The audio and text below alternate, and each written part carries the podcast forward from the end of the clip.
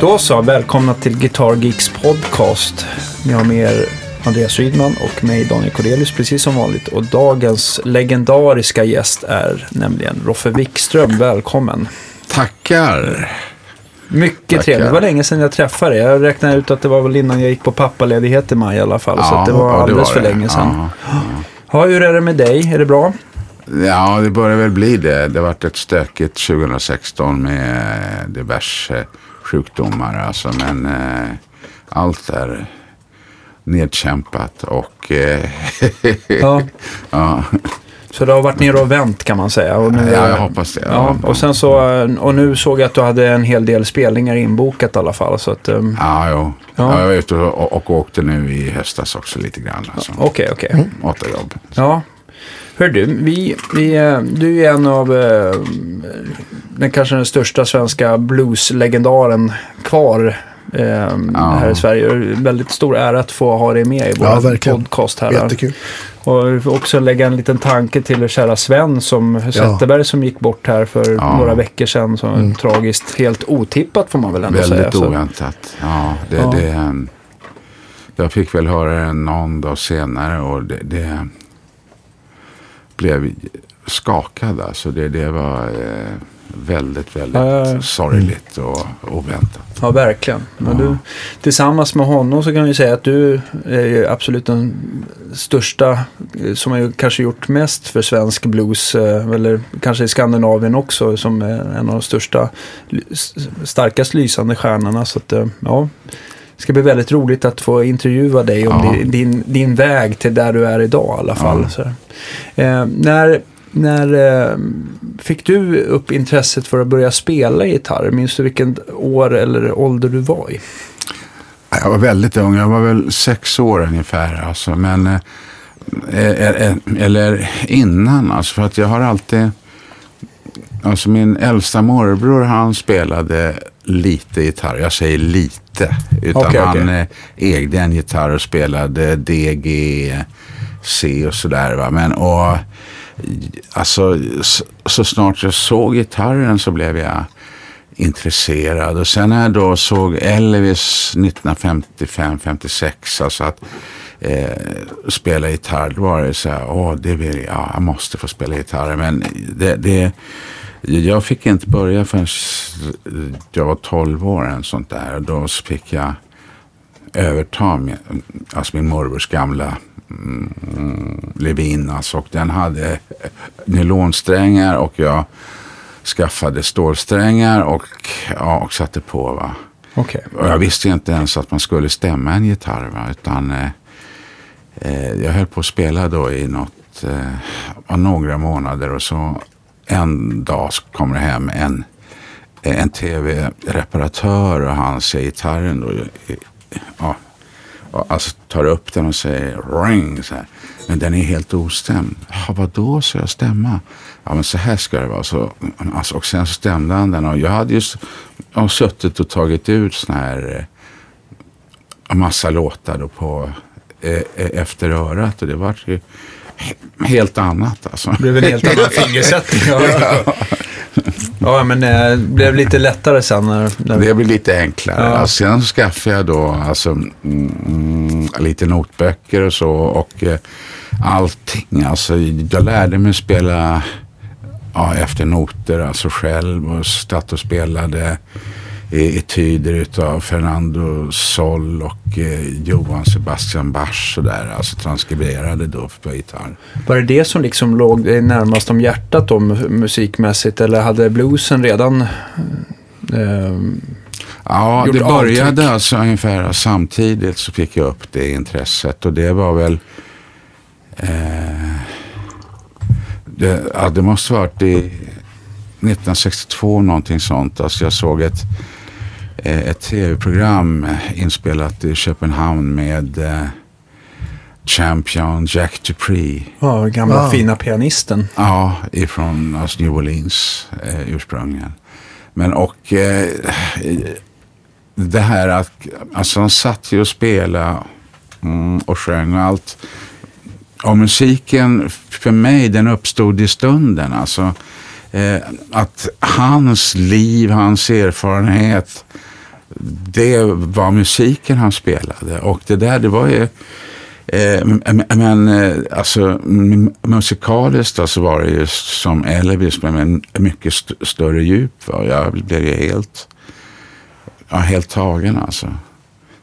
Och sen, sen då så hörde man ju då eh, Stones alltså. Och, och senare alltså. Och även då, då sådana som alltså um, Buddy Guy och Sonny Boy och alltså John Lee Hooker var ju väldigt tidig också. Mm. Ja. Chester. Ja, vi har en liten, vi har en ganska stor och fin eh, eh, kungspuder. Ja. kungspuder här. Så att eh, Bloffe som Chester som är väldigt... Hej Som är bara ett år. Men eh, ja, om ni undrar vad som låter. Ligg. Ligg. Men, ligg kille. Ligg. Ligg. Vi klipper och klistrar lite ja, här ändå så ja. det spelar ingen roll. Ligg. Så, ja, jätteduktig. Ja, men på den, jag såg på 60-talet, tyckte du att det var svårt att hitta de där skivorna? Eller det var, var det liksom... jättesvårt. Ja. Utan, eh, jag började läsa Melody Maker redan 1963, någonting sånt. Mm. Alltså. Och mm. eh, där stod det ju väldigt, väldigt mycket. Va? Mm. Eh, och eh, det stod ju om eh, LPn och sådär, de inte fanns i Sverige. Sen så fick jag inte alltså tillgång till egen skivspelare som det hette förrän jag var 15 år tror jag. Jag tror jag fick den när jag fyllde 15 år. Alltså. Okay. Och eh, jag köpte min egna första gitarr då när jag hade arbetat sommararbetat första året mellan sjuan och åttan. Okej.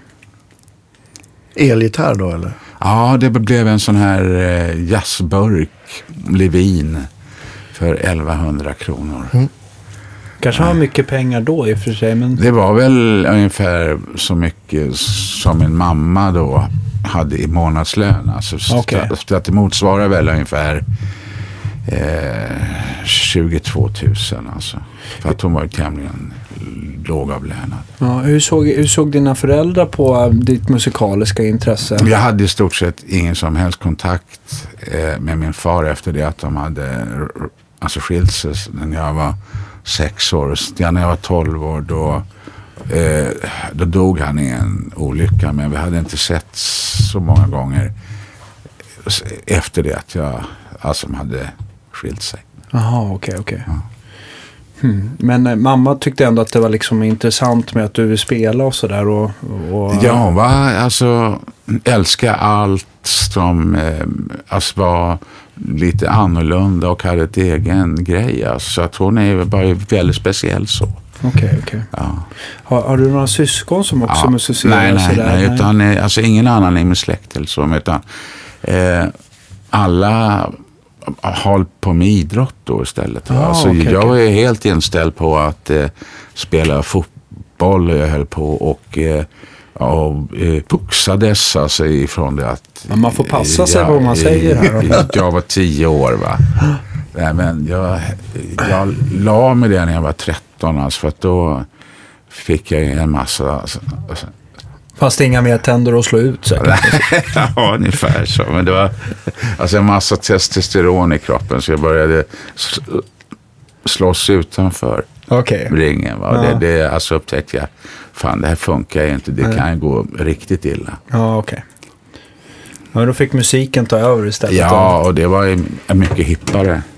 Eh, när du köpte din jazzburk där, då tänkte ja. jag då kanske det inte kom så mycket bars och sånt där ur gitarren. Nej, utan nej, det var, nej, då var det bluesen redan hade tagit ja, fäste. Oh ja, oh ja, oh ja. Alltså, men eh, överhuvudtaget, alltså, allt som hade med mm, gitarr att skaffa, om det var Shadows eller om det var eh, jazz eller om det var eh, alltså country, vad som helst alltså. Men och först sen jag eh, det, alltså blev det ju väldigt mycket blues eh, ja, inriktat alltså. Eh, och jag har all, all, alltid varit väldigt enkelt att spela den slags musiken. Mm. Alltså, alltså underligt nog. Det, det har fallit sig väldigt naturligt. Medan jazz som jag också har, alltså, det har jag aldrig hajat hur man spelar egentligen. Alltså. Utan Chester, hörru killen, ja den där ska du ha. Ja. Jag tänkte på en annan Det- sak. Jag tänker att äh, de flesta gitarrister Ja, äh, har ju alltid fått någon sån här, någon riktigt stark influens av någon gitarrist som man nästan har haft lite som en husgud eller Ja. lite extra nära till hjärtat sådär. ja. Eh, har, vem var din första sådär som du kände var liksom eh, eh, som, som tog dig med storm sådär? Att du ville liksom som någon större, som en jätteinfluens sådär. Vet att vissa liksom, första gången jag såg Hendrix och Ja, så blev jag helt... Eh, Ja, Har du något liknande, Nej, eller? utan eh, det var alltså ifrån början så väldigt många. ja. Och eh, eh, givetvis då Buddy Guy, B.B. King, Albert King.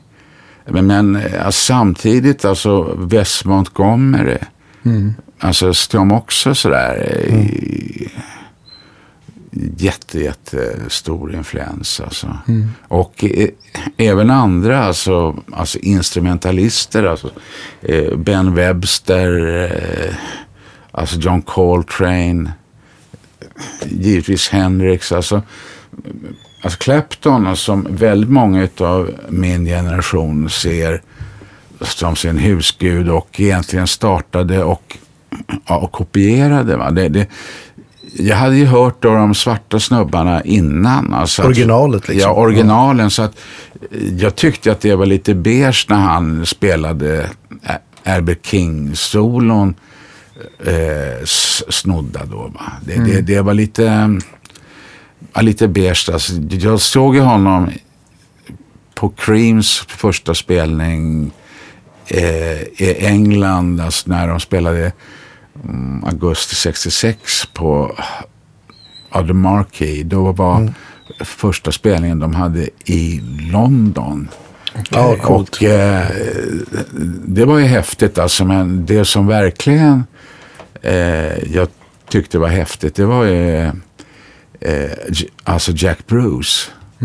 Hans Just det, eh, alltså intensitet och sång alltså. Ja. Det var... Eh, eh, ja, och Clapton tyckte jag, ja, det var så här, mycket trioler han spelade. Alltså. Så här, men och, eh, det här att jag inte var influerad av Clapton i någon större utsträckning, eller inte alls.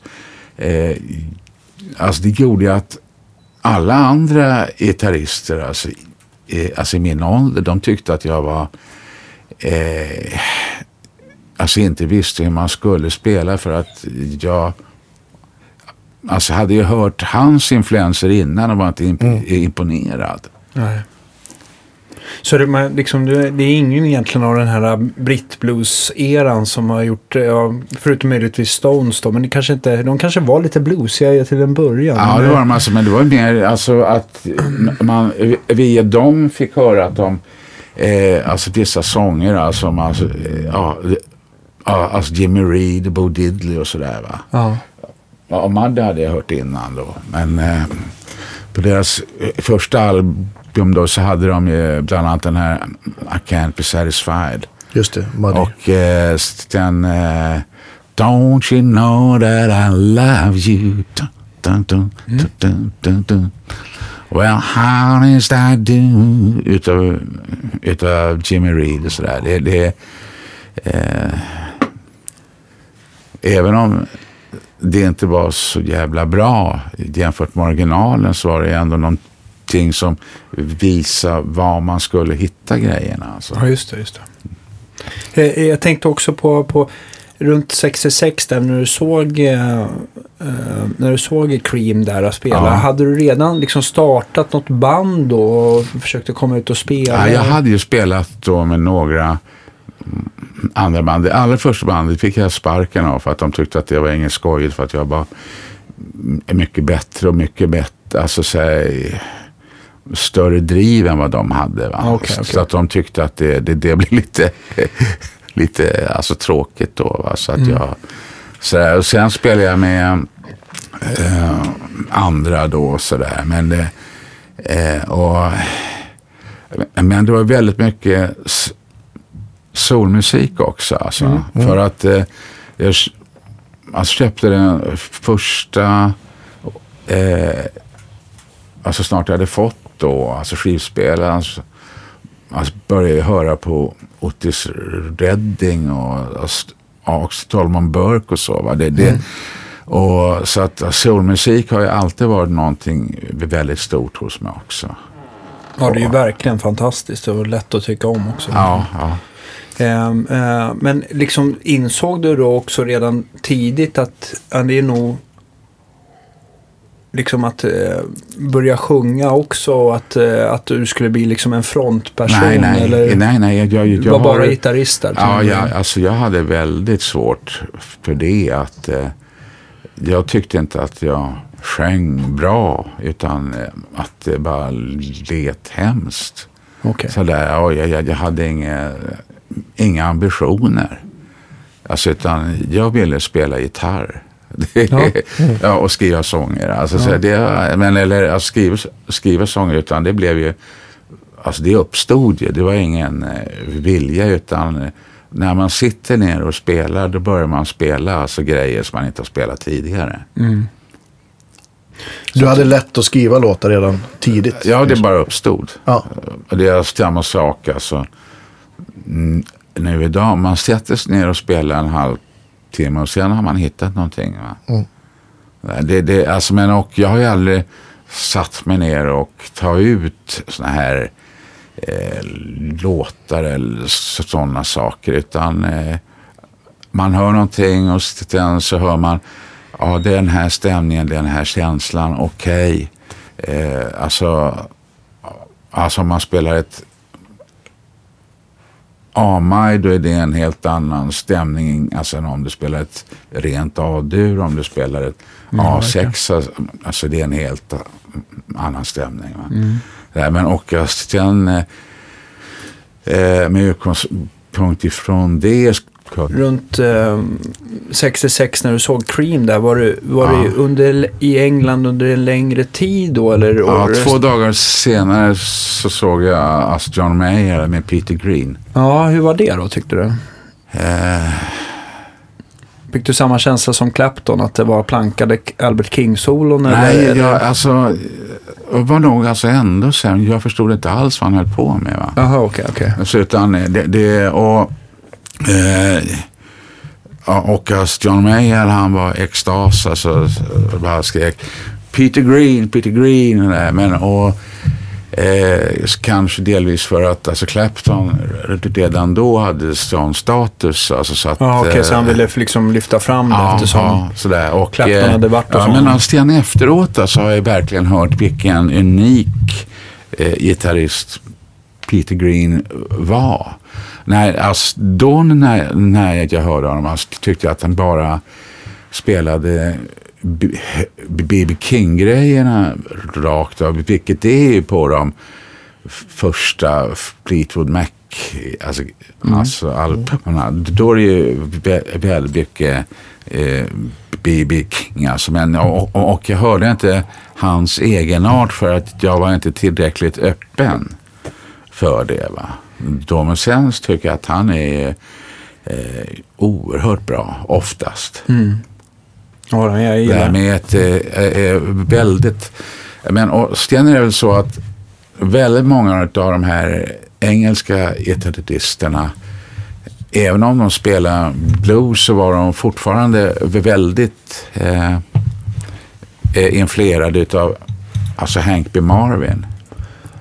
Ja, just det. Just det. Men och alltså, så att det var ju mycket melodiösare och de, ofta så hade de ju inte heller någon jazzanknytning då. Mm. Eh, så här, men och, och, och för mig så var ju då i den amerikanska bluesen, den svarta, så fanns ju sambandet till jazzen och eh, jazzens rytmik väldigt tydlig.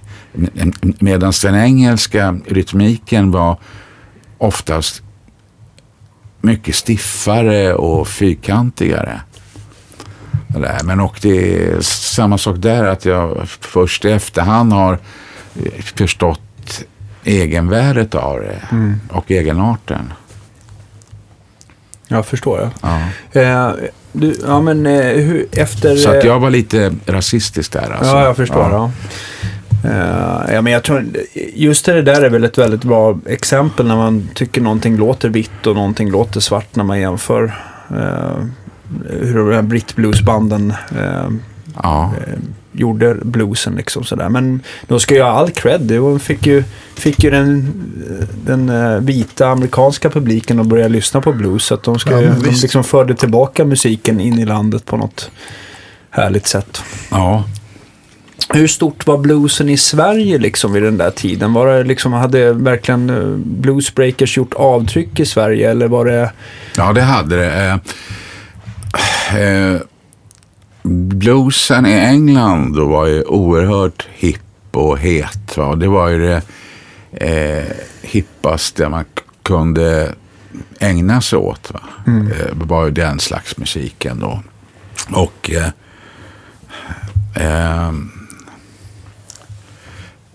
och det blev ju samma sak i Sverige då. Va? Medans, men och det var det alltså att alltså John Mayall drog ju jättemycket folk till eh, Nalen och så. Och jag minns att jag var såg Fleetwood Mac på Gyllene Cirkeln och det var ju så jävla mycket folk att det nä- alltså närmast var kaos. Oj. Hur, hur, nu kommer inte jag, jag har ju aldrig varit på Gyllene Cirkeln då, men Nej, hur, det är lite stor- innan i tid. Rent storleksmässigt, hur, hur mycket folk kunde gå in där om det var mycket? Var det större än Stora Nalen eller var det samma storlek ungefär? Kunde du uppskatta?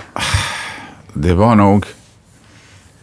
Eh, om man stod så gick det nog in lika mycket. Alltså, men på Gyllene Cirkeln alltså var det normalt sätta sittande publik då. Alltså. Mm, okej. Så här, man satt ner och sådär. Och, eh, jag var ju där och hörde en hel del jazz. Alltså. Mm. Bland annat en helg, jag måste ha varit 65 alltså, när jag var på isstadion och såg The Who. Eh, och på lördagskvällen och sen på söndag eftermiddagen så stack jag till Gyllene Cirkeln och såg Ornette Colemans trio. Och, eh, det, det, och det var ju samma uttryck va. Samma intensitet och samma jävlar anamma. Men jag tyckte alltså Ornette Coleman var mycket häftigare. Det var ändå vildare och, och ja, värre alltså än The Who. Ja, för jag kan tänka mig The Who var väl redan då att det var mycket att mm, eh, göra avtryck med att slå sönder Ja, och men annat. vi, alltså, jag visste ju att eh, nu ska han s- slå sönder gitarren. Va? Så där, Ja. Alltså avsluta med det. Va? Ja. Nej, men, och, och, eh, då är med det att det är förväntat att blir lite beige. Alltså för att det blir en del utav en show och inte någonting eh, som alltså individen inte kan hålla tillbaka för att man håller på att explodera. Det, det, det är väl enda orsaken till att, alltså Stens tycker att slå sönder en gitarr om jag är tvungen att arbeta en hel sommar då för att ha råd att köpa ett instrument och verkar det jävligt överklassmässigt att slå sönder det alltså. Så att jag hade väldigt svårt för det där va. Jag tror att jag har svårt för det fortfarande. Ja, sådär. Ja, jag. Ja. Det kan vara kul att se något klipp på Hendrix någon gång och elda sådär. Men, Ja, men han satt ju så här fjutt, fjutt, fjutt med en sån här ja, Zippo-burk för att elda upp gitarren på, eh, på Monterey. Det, det- är också så här, ja, det är väl inte hans största ögonblick kanske. Eh, eh, eh, Alltså även om det medialt och sådär blir, blir väldigt stort. Va? Men, ja, Jag kan ta Ja. ett kopplet här till våran nyfikna Ove. ja. Så att han inte trasslar in sig. Vad Ja. heter det? Han heter Chester och Ja, det är eh, efter Howling Wolves vars, alltså de riktiga namn är Chester Burnett. Ah, Ja, just det. Just det. Mycket Ja. fin, ståtlig Bove. Ja. Eh, det, hur länge hade du kvar din den här Levin-jazzburken innan det blev en, en uppdatering? Eh, Den hade jag kvar tills 1969 eller 70. Och, alltså, men och då hade jag börjat spela med Slims Blues Gang. Ja, just det. Slim Notini då, Ja. som är en fantastisk pianist. Ja, jag tycker att eh, är det någon som är sorgligt eh, undanskuffad vad gäller svensk eh, blueshistoria så är det han. För att han var nog den första, skulle jag säga. Han var alltså innan Peps va. Ja. Som också var eh, väldigt tidig. Och eh, jag fick kontakt med Slim 1965 genom att han hade satt ut en annons i Dagens Nyheter att man sökte en gitarrist som spelade blues. Och så räknade han upp då Buddy Guy och Muddy Waters och så tänkte jag, men milda makter, det är jag han vi vill ha. Ja. Så att eh, jag svarade och vi träffades, men då hade jag bara spelat i två, tre år och eh, jag höll ju inte. Va? Men Stens, menar att vi upprätthöll kontakten Okej, okej. eh, under åren. Sen då 69 så tyckte väl han att nej, nu ska han väl få chansen. Så att jag spelade med honom sen i, eh, till 1973. För att då hade det blivit så att jag tyckte inte att det hände så mycket musikaliskt med det bandet. Va? Utan det var att Slim spelade ett en vers intro på pianot och sen spelade vi andra in. Och sen så sjöng han två verser och sen spelade han två, så vände pianosolo och sen spelade Christer Eklund fem saxsolo och vänder och sen spelade jag fyra vände gitarr och det var samma upplägg egentligen i låt efter låt sådär va. Och, och eh, ostrukturerat och sådär. Men eh, det, jag, jag hade då förmånen att spela med några av de absolut då bästa yngre musikerna i Sverige som då alltså Ola Brunkert och, Ja, visst, var och, ja, och Ask-Christer Eklund och Slim. Ja, just det. För att jag tyckte att Slim var eh, jag tyckte han var mycket bättre än alltså John Mayer. Alltså han spelade i arslet utav honom. Ja, som pianist. Ja, jag tror att ja. du, jag vet inte ens om jag liksom ser John Mayer som, som en pianist. Jag Nej. tänker man mer som sångare eller bandledare och Ja, sådär. Och gjort väldigt mycket där. Ja, men absolut. med Slim Ja. Notini har jag, jag har bara fått äran att, att spela med en, en konsert och, eh, i, i senare tid och är fortfarande väldigt, väldigt duktig. Alltså väldigt, väldigt jo, bra. är... Nu är han ju nästan mer inne på gospel än blues. Oh ja, alltså han har väl nästan helt slutat spela blues. Alltså. Men alltså, han har ju under alla år varit väldigt religiös. Ja, just Eller, det. ja, och mer och mer. Ja, precis. Så han, Ja. liksom, han eh, la bluesen åt sidan lite. Ja, för att han såg det då mer och mer som djävulens musik. Okej, okej. Ja, men Hur, det... hur mycket jobbade ni då? Eller hur mycket spelade ni med det bandet? Vad- Det kanske var 50 spelningar om året, någonting Mm. sånt. Reste ni också eller var det mest i stan? Nej, eller? utan vi var och spelade utanför eh, Stockholm. Alltså sen även i Oslo i några omgångar i Helsingfors. Så där och ja. Sen så eh, var det väl ömsesidigt att eh, vi kom överens om att jag skulle, skulle sluta. Alltså Mm. Då 1973. Alltså för att jag hade tackat nej då till, till, väldigt många spelningar alltså, som vi hade. Mm. För att jag blev bara nervös och fick ont i magen alltså. Mm. Av Okej. det.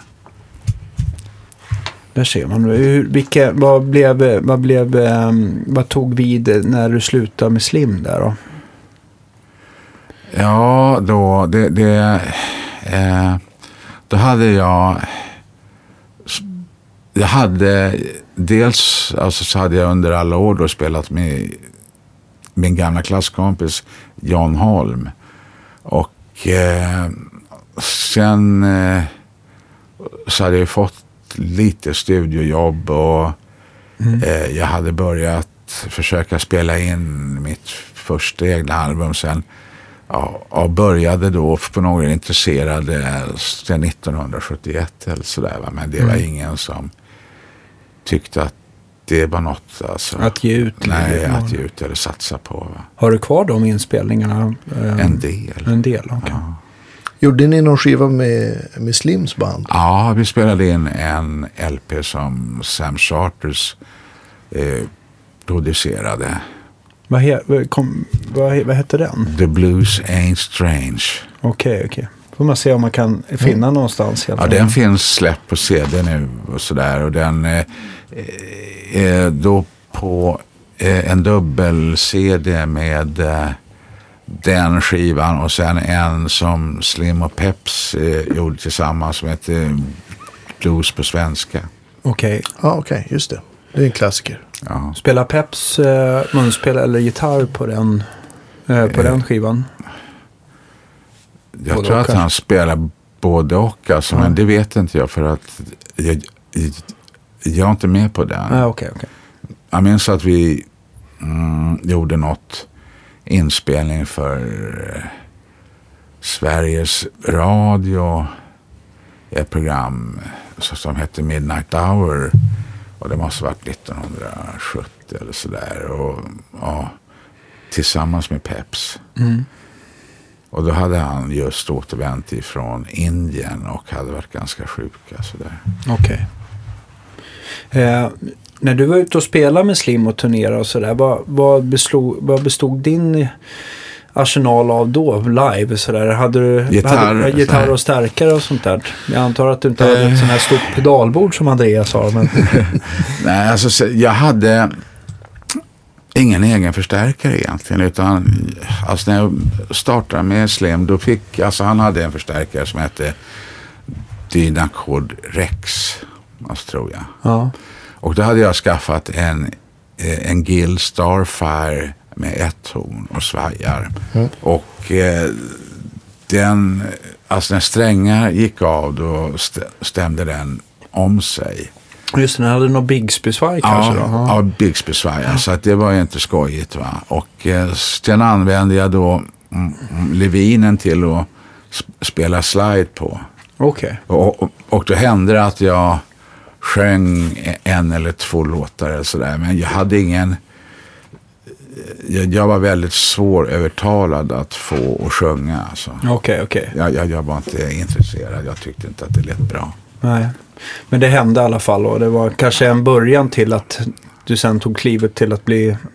Ja, det, det, det, alltså sen då, när jag, alltså för att under den här Slims Blues Gang-perioden och John Holm-perioden då. Jag gick ju på universitetet då och läste samtidigt. va. Och sen så blev jag alltså klar där och då eh, så alltså fick jag ett AMS-arbete sen på Länsstyrelsens regionalekonomiska enheter och under den tiden så spelade jag in och släppte mitt första egna album. Okej, okej. Alltså, sen så insåg jag att jag skulle inte kunna stå ut och arbeta med alltså, någonting sånt. Va? Ja, okej. Så att jag hade egentligen inget annat alternativ än att jag var så illa tvungen att, ja, att börja sjunga. Det, det live då, alltså, även, va? Det, det, jag var ju skitnervös alltså, över det. Va? Dels för att jag stammade mycket, vilket jag fortfarande gör. Och, eh, så att det här att stå och presentera band och stamma och så här, snacka mellan låtar och så här, allt var nästan oöverstigliga hinder för jag förstår. mig. Alltså. Jag var väldigt, väldigt nervös över det. Alltså. Ja, hi- hittar du verktyg för att eh, liksom eh, tycka att det ändå blev okej? Eller var det liksom en hård, lång väg och för att du skulle känna dig bekväm med situationen? Jag, jag, jag insåg ju att jag var tvungen att ja, presentera bandet och sådär och, ja, och vad jag själv hette. Eh, alltså även om jag hade släppt då åtminstone det, ja, det första albumet och det, det, ja, det hade ju uppmärksammats sådär så att vi alltså, drog ju jävligt mycket folk när vi spelade. Va? Sådär. Men och, och, och vi fick väldigt snabbt väldigt mycket spelningar. Alltså. Mm. Eh, vad, vad heter första skivan? Som, Sjung svenska folk. Okej. Och, och, och inom parentes för att jag behöver all hjälp jag kan få. Vad heter det? Eh, du beslöt dig redan då liksom, för du har ju i princip bara sjungit på svenska sedan dess va? Ja. Ja. Och alltså orsaken är ju att eh, eh, jag blev ju tidigt då intresserad av blues och även alltså samhälle och, och, och, och alltså politik. ja, just det. Och då man sätter in då bluesen i ett samhälleligt sammanhang och vilken betydelse den har haft eller hade för den afroamerikanska befolkningen i USA så alltså insåg jag att jag måste försöka få den att få samma betydelse i Sverige. Och eh, jag minns när jag spelade med Slims Blues en gång. Vi åkte över till Helsingfors och då och så, så sa jag till två stycken som heter Jörgen och Sune Sandin. Som eh, att jag ville ta upp bluesen till Svensktoppen. Det, alltså det skulle jag tycka var stort. Mm. Så att man eh, då fick den att bli en del av en svensk, eh, ja, svensk tradition och sve, sve, svensk kulturarv. Eh, och för att många av de här s- av sångerna som I got my mojo working but it just won't work on you. Det är helt obegripligt för en svensk egentligen. Eller en eh, alltså engelsman också. Vad, vad i helvete är en mojo? Men det, det, alltså, det var ingen som vi visste det. Vare sig alltså, det vita USA eller det eh, det vita eh, Sverige alltså 1965. Ja, det, det, det, alltså utan det eh, och många utav alltså de här alltså andra sångerna då när man alltså sjöng om baby, alltså I'm gonna leave you så alltså det gick ju att översätta då. Eh, det är ett rasmässigt och sociologiskt sammanhang. Eh, Eftersom du som svart i USA inte fick eh, snacka om eh, att du var förtryckt eller alltså hur samhället såg ut. Så fick du skriva om det. Va? Mm, just det. There's a strange fruit hanging from the trees. Där? Det, det, det, alltså, det handlar ju om lynchningar. Precis, de bäddar in det väl kan man säga. Ja, ja. Både och var sex och Ja. sprit och allt möjligt liksom. allt möjligt. Nej, så att, eh, och, och, eh, så att jag tyckte att antingen så blir man ju någon slags eh, då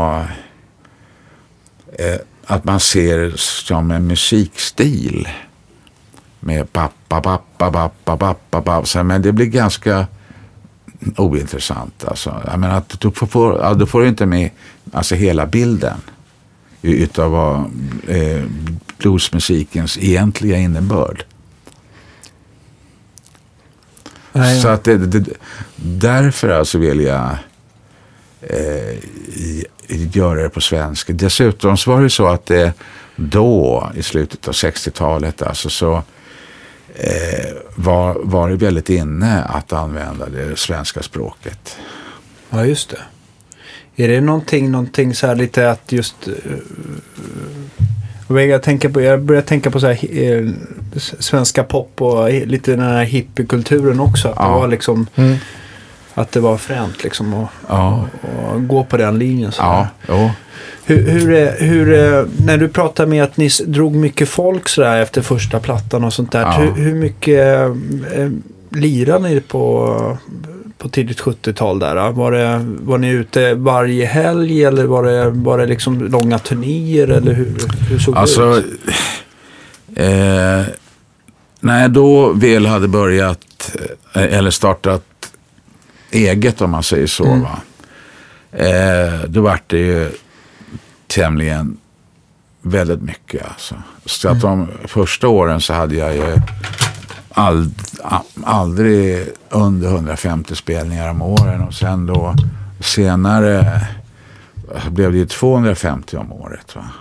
Vi var ute och spelade hela tiden och eh, det var ju dels för att jag älskar att spela och dels för att eh, eh, ett sätt alltså att dra in stålar. Va? Ja, precis. Att eh, jag har alltså jag har haft f- familj och barn och all- alltihopa det. Alltså jag såg också med ett försörjningsansvar. Alltså Ja, även om eh, eh, min hustru också arbetade. va. Okej, okej. Hur Kände du att det fanns någon, liksom, någon magisk punkt där när, när det blev för mycket, om det blev för mycket spelningar? För att jag kan tänka mig att allt, om det är 250 spelningar på ett år så kanske inte alla känns lika roliga sådär. Eller, eller Nej, nej, allt nej. var... Ja, det var några grejer jag, jag gjorde då. Vi blev ute och gjorde en sväng för Rikskonserter. Ja, Och då eh, 60 spelningar bara och 45 i högstadieskolor och 15 mm, offentliga. Det är en sån här grej som var för jävlig alltså. okej. var det just att det här sko, att vara på skolorna som inte Nej, var så men kul? alltså, även då de här eh, alltså offentliga spelningarna. Vi spelade till exempel då en lördags eftermiddag på, eh, på ett bibliotek i eh, strax norr om Malmö längs kusten där. Vad heter det? Alltså inte Lomma utan eh, Blomma utan det, det är någon annan liten ort där. Eh, förort till Malmö. Alltså stod hopklämda alltså mellan sådana här eh, bi, bi, alltså bibliotekshyllor och spela för eh, människor. Va? Det är Folk som ska låna böcker, typ. Ja, Ja. nej, men eh, Ja, det alltså, felbokningar, det kan ju vara det värsta. Man, jag, det är Ja. nog de gånger i livet som jag har känt mig mest obekväm. Ja. Då man har liksom blivit stått på det där gigget där man inte skulle ha varit. Eller Ja. ingen kanske skulle ha varit där och spelat Nej. musik. nej, men det, alltså, vara- det hände ju också att eh, bland det konstigaste det var en spelning. Alltså, vi hade blivit insatta ute i Märsta på en ungdomsgård.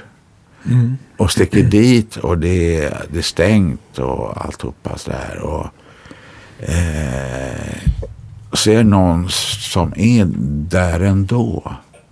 Och säger, jaha, spela, vad konstigt. Det är ju stängt här ikväll. Ja men titta här, det står här. Alltså, jag hade med mig kontraktet. Va? Jaha, ja, ja, ja. Ja men då så, då är det bäst att får att- sätta upp grejerna och spela.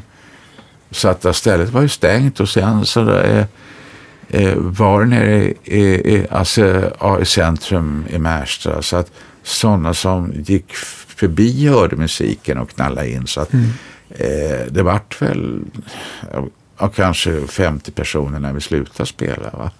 Men det, det är sån här, eh, ja, men det, det är sånt som alla upplever i ett musikerliv. Ja, oh ja. Ja, verkligen.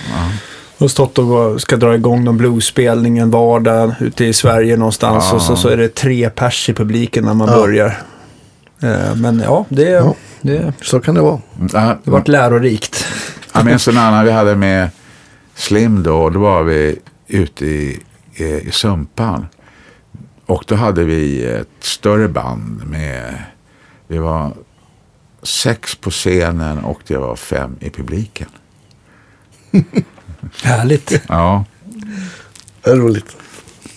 Jag har, jag har också någon sådär, jag kommer att tänka på det, jag tror att det var bandet Knockout Greg som hade lyckats med att uh, veva igång någon spelning någonstans där det var två i publiken som började bråka så de blev utkastade. nej, Så var det ingen. Ja, Ja, men det är bra. men det är... fantastiskt. Ja. Jag hoppas att jag inte får, jag vet inte om jag vill uppleva det, men det. Ja.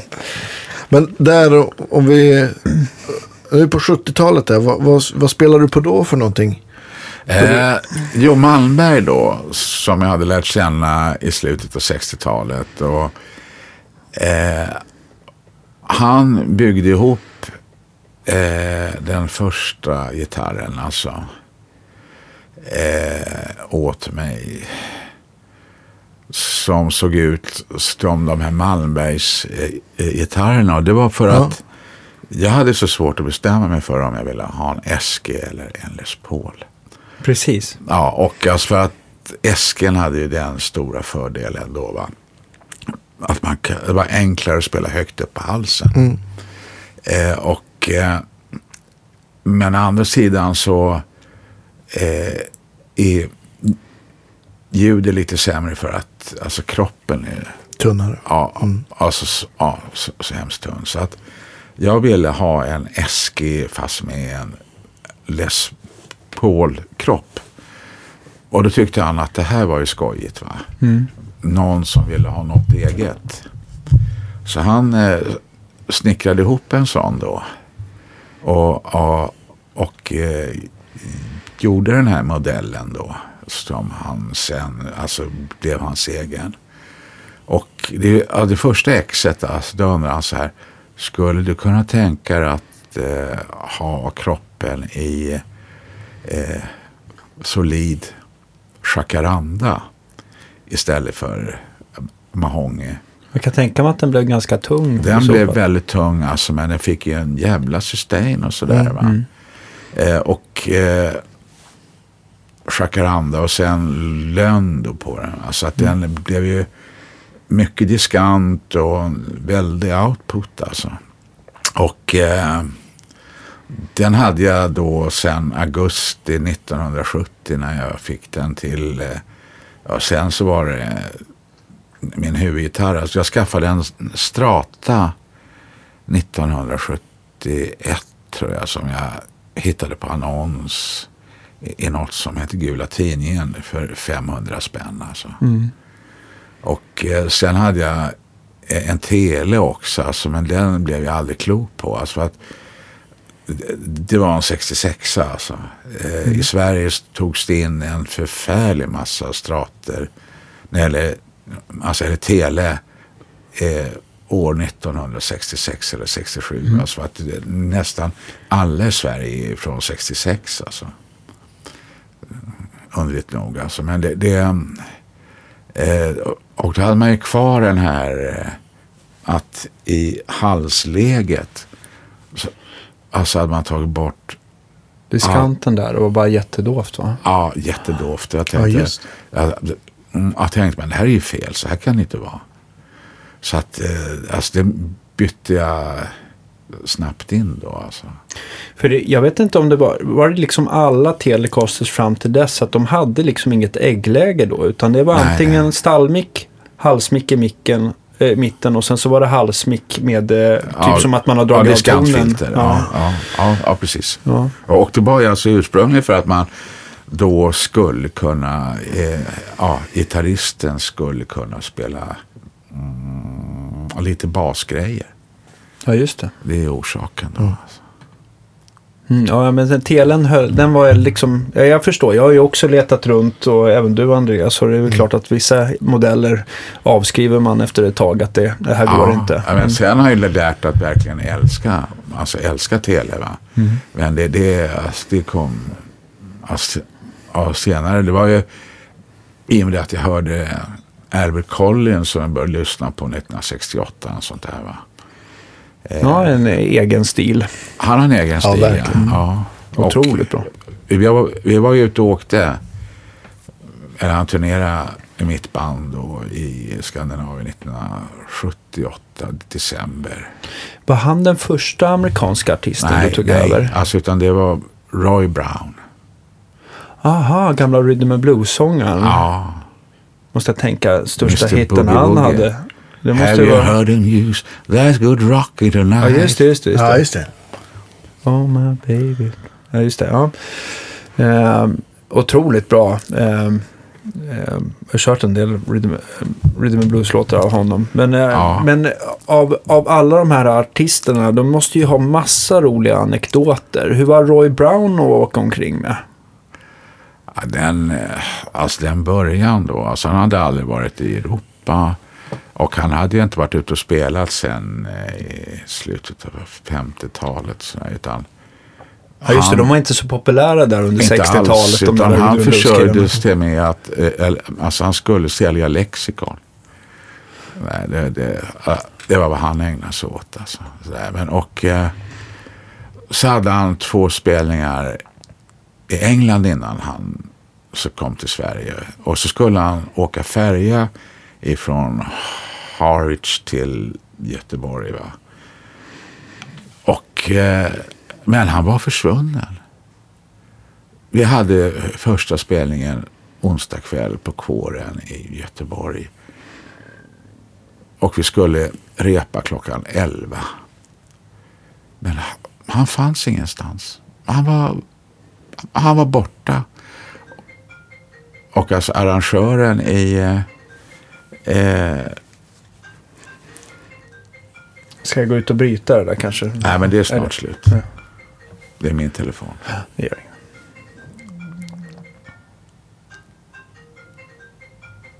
Det här är min alarmsignal på morgonen. Det ska kliva upp.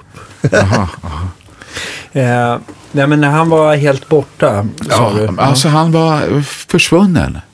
Alltså vi, vi, vi hittade honom ingenstans. Eller, och eh, sen visade det sig att han hade suttit ute på Arlandas utrikeshall, ankomsthallen, i 36 timmar. Oj.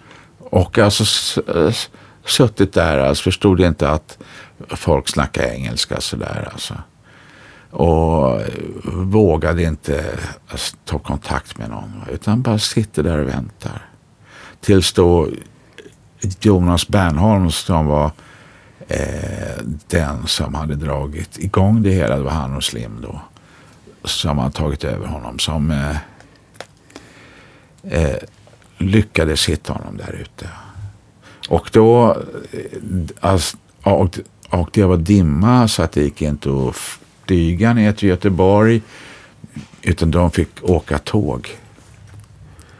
Jaha, okej. Och eh, vi skulle börja spela klockan sju. Då tar vi vid där. De, de, eh, de åker tåg med eh, Roy Brown. Ja, Eh, jag tänkte Bernholm, eh, han ska väl också ha lite cred över, för det var han som gjorde alla sådana här Mr. Rhythm and, Ble- eh, Rhythm and Blues och Mr. Ja, R&B och de här LP. Ja, oh ja, oh ja. Och, Han hade eh, jättemånga skivetiketter som... Han hade väldigt många och han hade en enorm samling med 78 eh, som han sen då sålde till eh, The Library of Congress, the Jaha. Smithsonian Institute som en del av det svarta kulturarvet. Jaha, okej. För han hade väl i princip allt. För han gjorde så himla Ja. mycket. Bland annat av Roy Brown så gjorde han väl så här samlingsskivor med bästa låtarna. och så. Allting. Alltså, alltså han är oerhört stor.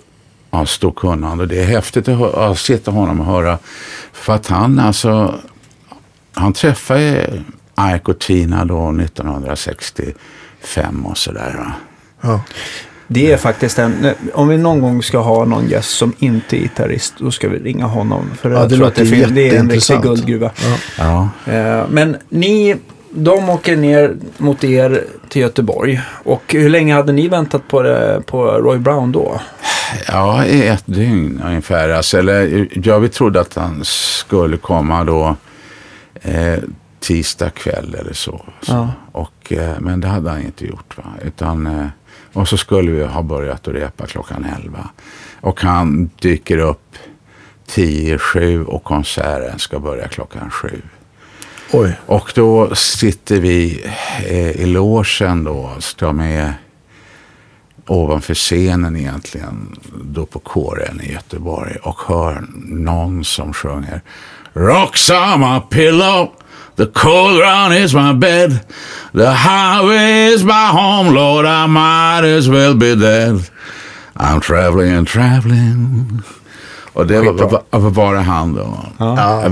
Mm, Mr Brown was in town. Och sen, då hade han inte sovit på ja, säkert två dygn. Va? Och det var, var helt fantastiskt. Och vi hade ju då eh, repat in eh, 20 låtar och sånt där. Va? Och det var två saxar och de hade skrivna och sådär. Så att det, det och, Ja, ni hade bara lyssnat på skivorna och tagit ut det så gott det Ja, gick. Liksom. ja, ja, det är ingen svårighet sådär Nej. alltså, utan det, det är tradition. Han måste ha blivit jättenöjd. Ja, det var han alltså. Utan, eh, han var, eh, trots att han var så trött, då blev han i extas där, så att han ville att vi skulle, alltså han skulle ta över oss till USA, så skulle vi Alltså, så här, vi startade först nere i Florida, sen åkte vi upp till östkusten och sen ner till eh, The Shetland Circuit och sen när vi är riktigt inspelade så då sticker vi till The Big Apple. New York. Jaha, så jag. Och sen när jag satt då, det här var i mars 1978, då, alltså då började jag skriva där. Vi ska åka ner till Mississippi där solen lyser varje dag. Det var bara mörkt och, och grått ute. Så Ja. Snön höll på att smälta. Va? Så att det var slaskigt och dant. Alltså. Jättetråkigt. Då, Ja. ja. och då dök den där strången upp i huvudet. Alltså. Coolt. Ja, historien bakom Ja. den i alla fall. Ja, verkligen. Hur, hur, men resten av Roy Brown-turnén gick eh, bra och det var succé överallt ni kom, förstår jag. Ja, och det som var häftigt var ju hur mycket till exempel James Brown hade och eh, många andra stolsångare hade snott av hans eh, scenstil. Alltså, för att Roy var då, alltså innan han blev eh, sångare, då hade han varit eh, prizefighter, eh, boxare alltså. Jaha, okej. Men, men det, alltså, han grejade inte det för han kunde inte se, se blod utan Alltså han svimmar då va? Så okej. det, Fel profession. Ja, det är inte de bästa Nej. förutsättningarna. Så, så att... Eh, eh, och sen så startade han då som Bing Crosby-imitatör. Okej. Så att han hade vunnit om någon sån talangjakt som, med att imitera Bing Crosby. Där ser man. Ja, det ser man. Och eh, då var han med i ett band då. Och hans uppgift var att vara crooner. Och, och de hade en annan alltså, som då eh, gjorde de svängiga grejerna som Roy i och för sig hade skrivit ihop då. Va? Eh, Men alltså inte tyckte att han... Han, alltså han var crooner och han var inte en rytm Okej. snubbe alltså. Mm. Och sen så vart den andra då hes någon dag. Då fick han hoppa in då och det vart ju succé alltså. Och då tänkte jag, ja jag kanske ska, ska tänka om. Ja, du ser. Det är slumpen. Ja. Hur, hur, hur länge var den turnén med Roy Ja, Brown? det var väl en dryg vecka Nej. Okej, alltså. okej. Ja. Sen får han hem. Sen for han hem och det här var 78. Sen tror jag att han dog 81. Hur gammal blev han? 61, 62 någonting Okej, sånt. okej. Jag tror att han var 58 när vi var ute och åkte. Okej, men du upplevde han som pigg och sådär? Ja, ja, Ja. ja. ja. ja men alltså han var ju väldigt st- stor personlighet alltså. Vilka stories han drog alltså. Ja. Men hur han hade uppträtt på The Apollo Theater och var han och eh, någon annan du vet, av dåtidens stora. De hade ju bara hits alltså så här. Och, eh, ungefär som dagens hiphop-sångare då va. Eller ja, alltså hiphopare då. Ja, och drog in en jävla massa stålar alltså. Och, så att, jo det var, Norne Harris. ja, just det, just det. Och eh, då satt de och käkade på ett ställe utanför alltså Apollo. Och varsin hade, eh, alltså de hade varsin ny sprillans Cadillac. Fast i olika färger. Och sen började de och, och alltså håna varandra, det är fel färg, hör du, det är fel färg. och eh, så började de alltså då att slå sönder varandras bilar. He, he, helt och hållet. Ja, alltså. herregud. Så trashar. Men det var ju, alltså, ja, de hade så mycket pengar så att de, Ja.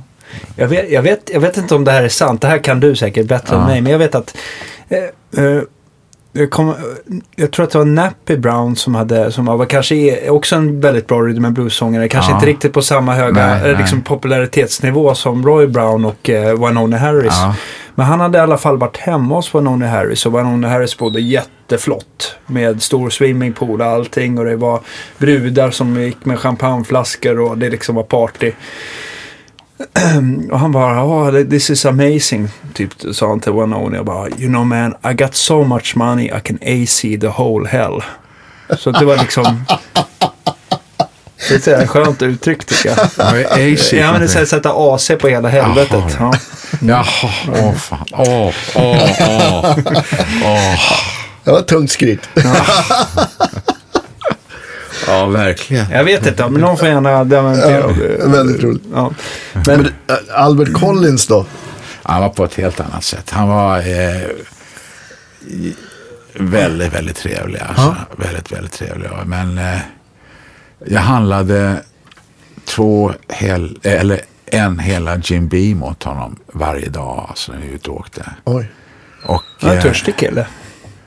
Ja, han åt inte sådär jättemycket. Alltså. Eller två heler var det faktiskt jag handlade åt honom. Två stycken helrör helt ja, enkelt. Ja, det, Alltså, han hade med sig sin hustru då, Gwen. Eh, och eh, han hade just spelat in den här första Alligator-plattan, men den var inte släppt Okej. ännu. Alltså, sen efter det att den hade släppts, då eh, var vart han ju omedelbart väldigt, väldigt stor. Alltså. Mm.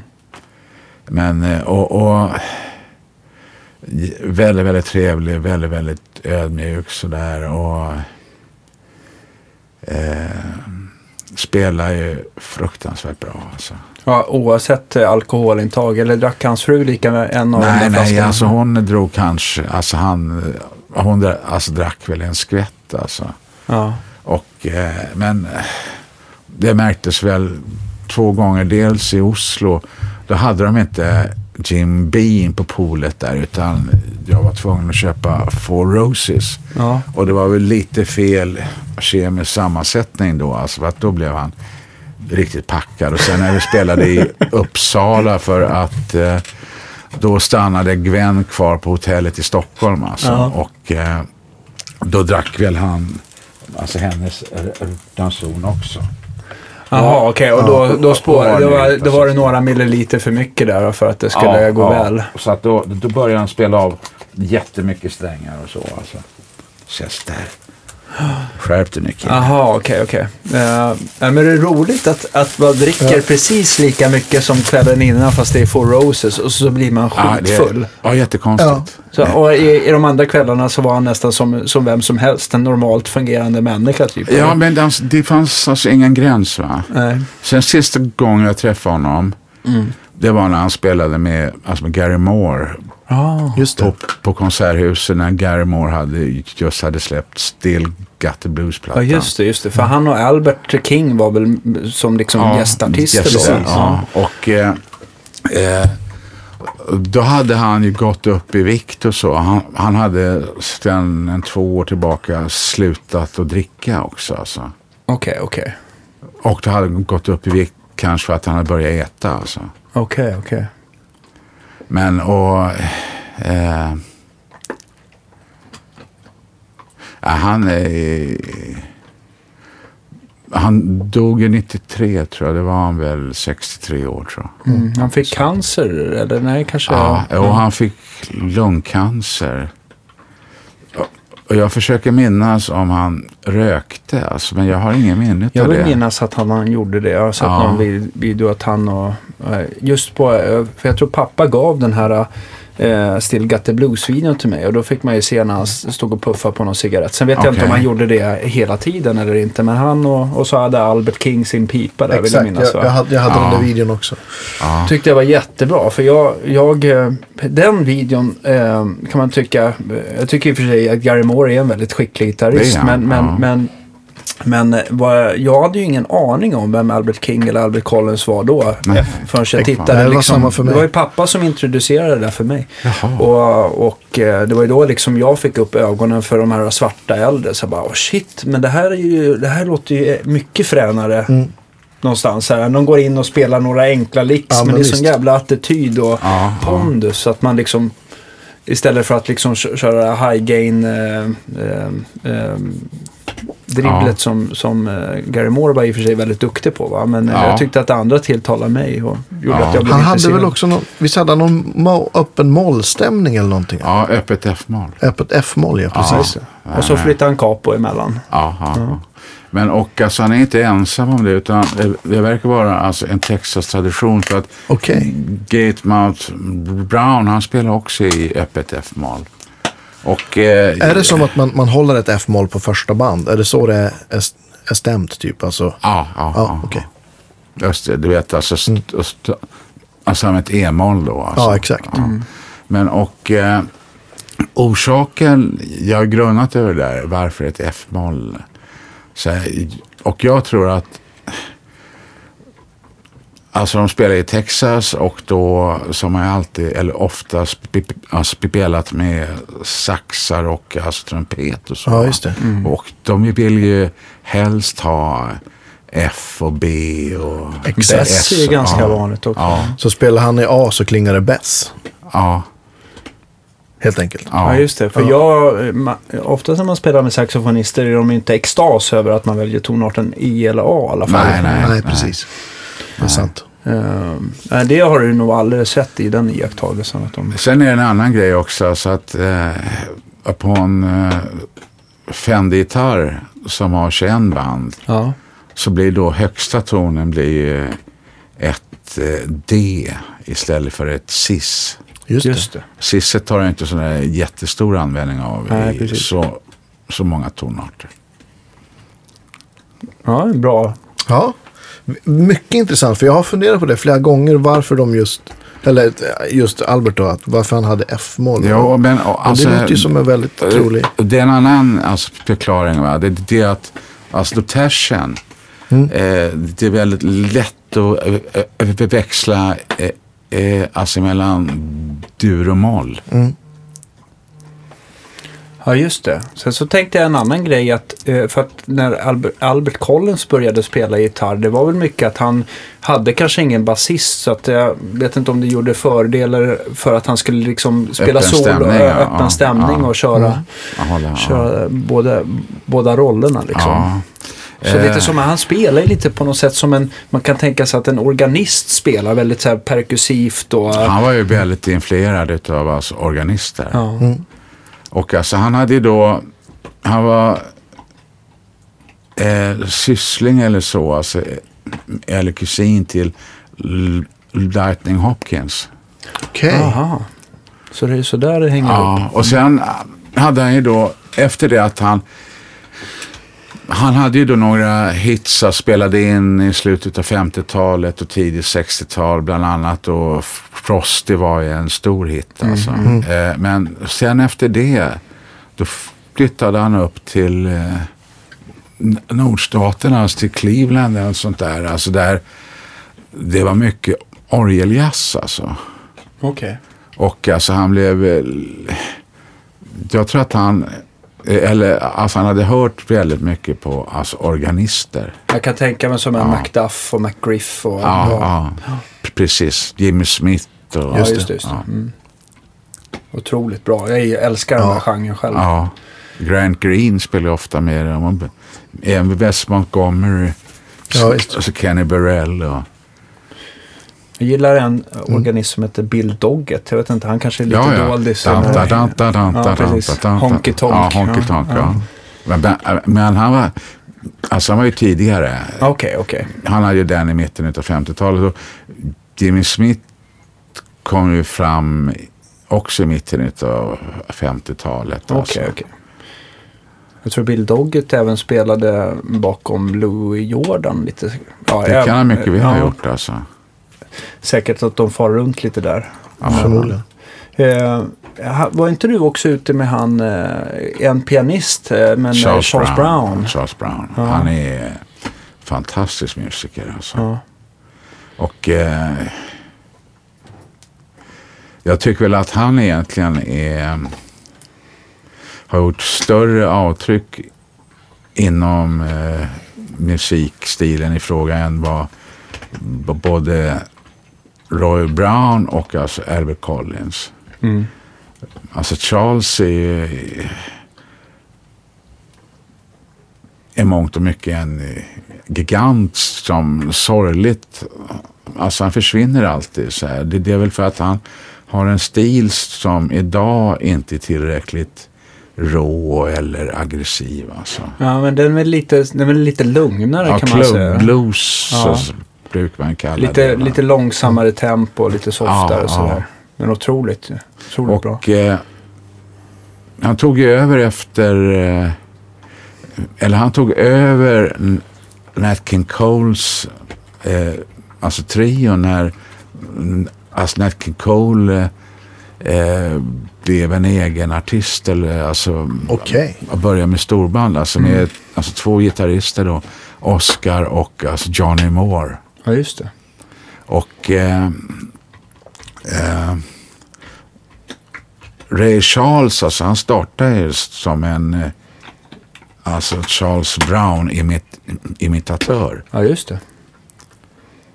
Det tror jag man också kan se i hans, eh, Filmen, den här filmen. Ja, Ja, att, det, att de får, Ja. förmedlar det så. Ja, och alltså eh, Ray Charles han eh, fick ju inte till sin egen stil förrän han spelade in Mess around då för Atlantic. Och det var, var ju det som skulle, om, det, om inte den hade slagit då skulle han inte få spela in någonting mer. Var det sagt alltså. Jaha, okej. Okej. Och det var Guitar Slim som alltså arrade den inspelningen.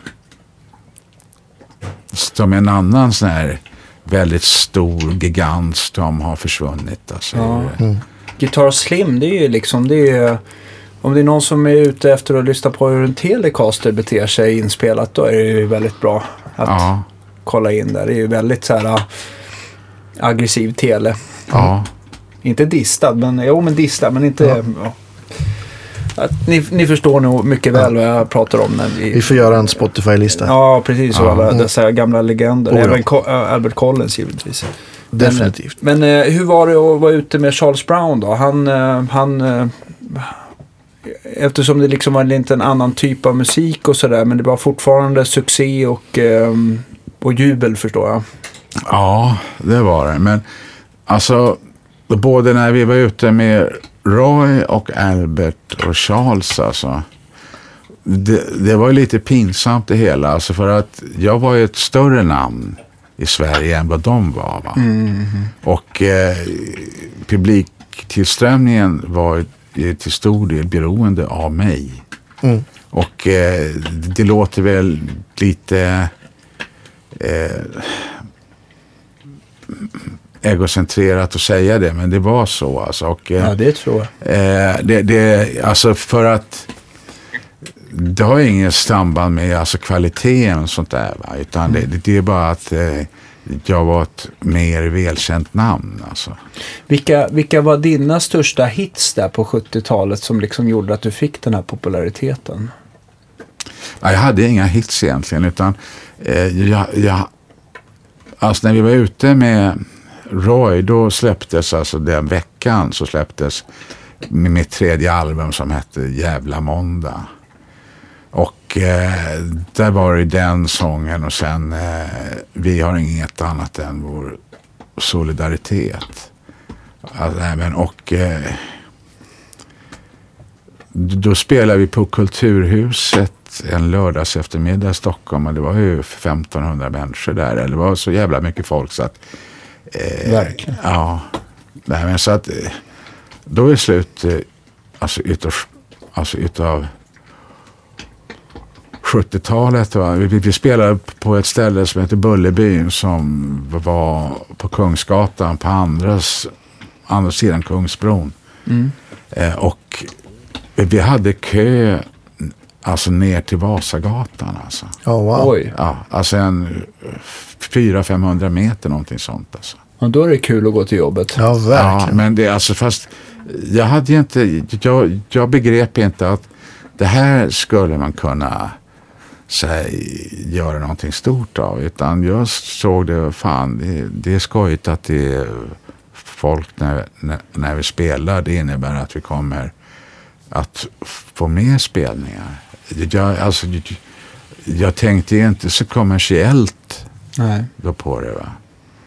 Vilket i efterhand var lite korkat men kanske i slutändan lite bra också. Mm. Det vet man ju inte. Ja. Men ja, jag förstår att det måste... Var det så att ni fick öppna kvällen då eh, med dig som akt eller avsluta med dig som akt? När du Nej, utan eh, vi spelade några låtar innan och sen så eh, ja, tre, fyra stycken då. Alltså Mm. Sen så kom eh, artisten. Liksom. Ja, jag minns en spelning alltså på ett ställe vid Hornstull i Stockholm. Då hade vi alltså med Albert Collins. Så då hade vi haft första spelningen uppe i Sundsvall. Mm. Eh, och det är söndag i Stockholm. Mm. Och eh, Albert alltså undrar vad närmsta eh, liquor store var. Och, och, och jag säger, men det är här i Sverige, det är stängt på söndagar. Han bara. Och då hade jag dagen innan e, efter hans exempel handlat den hela Jim Beam som jag tänkte ha under hela den här veckan. va. Och den var oöppnad. Alltså, då när jag, alltså han återupprepar så här, kan man inte få någonting. Ja, här ska jag haka av honom den. Och sen så och stack vi upp och spelade då. Och vi visste ju då alltså när vi Alltså han skulle in då. Då började vi med en alltså Jimmy McGriff-låt som heter All about my girl. Ja, just det. Ja, just det.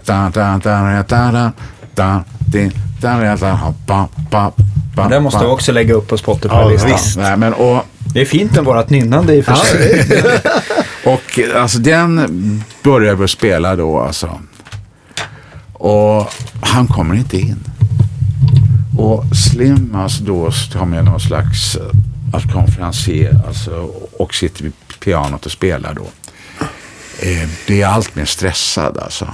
Och eh, ni mina damer och herrar, Albert Collins, the master of the telecaster, direkt från Houston, Texas. Albert Collins, Albert Collins. Och han kommer inte. Vad är det? Vad är det någonstans?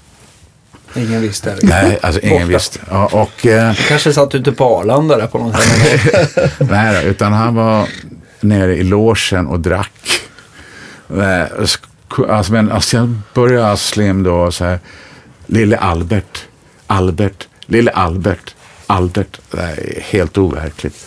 Och så kom han in då och sen spelar vi och så kom jag ner i logen. Då är det så här mycket kvar av den här, alltså hela hibiscus, alltså Ja. som var oöppnad. Va? Ja. Alltså typ en, eh, en, en, liten, en liten skvätt kan man säga. Ja, 10-15 centiliter Ja. ungefär.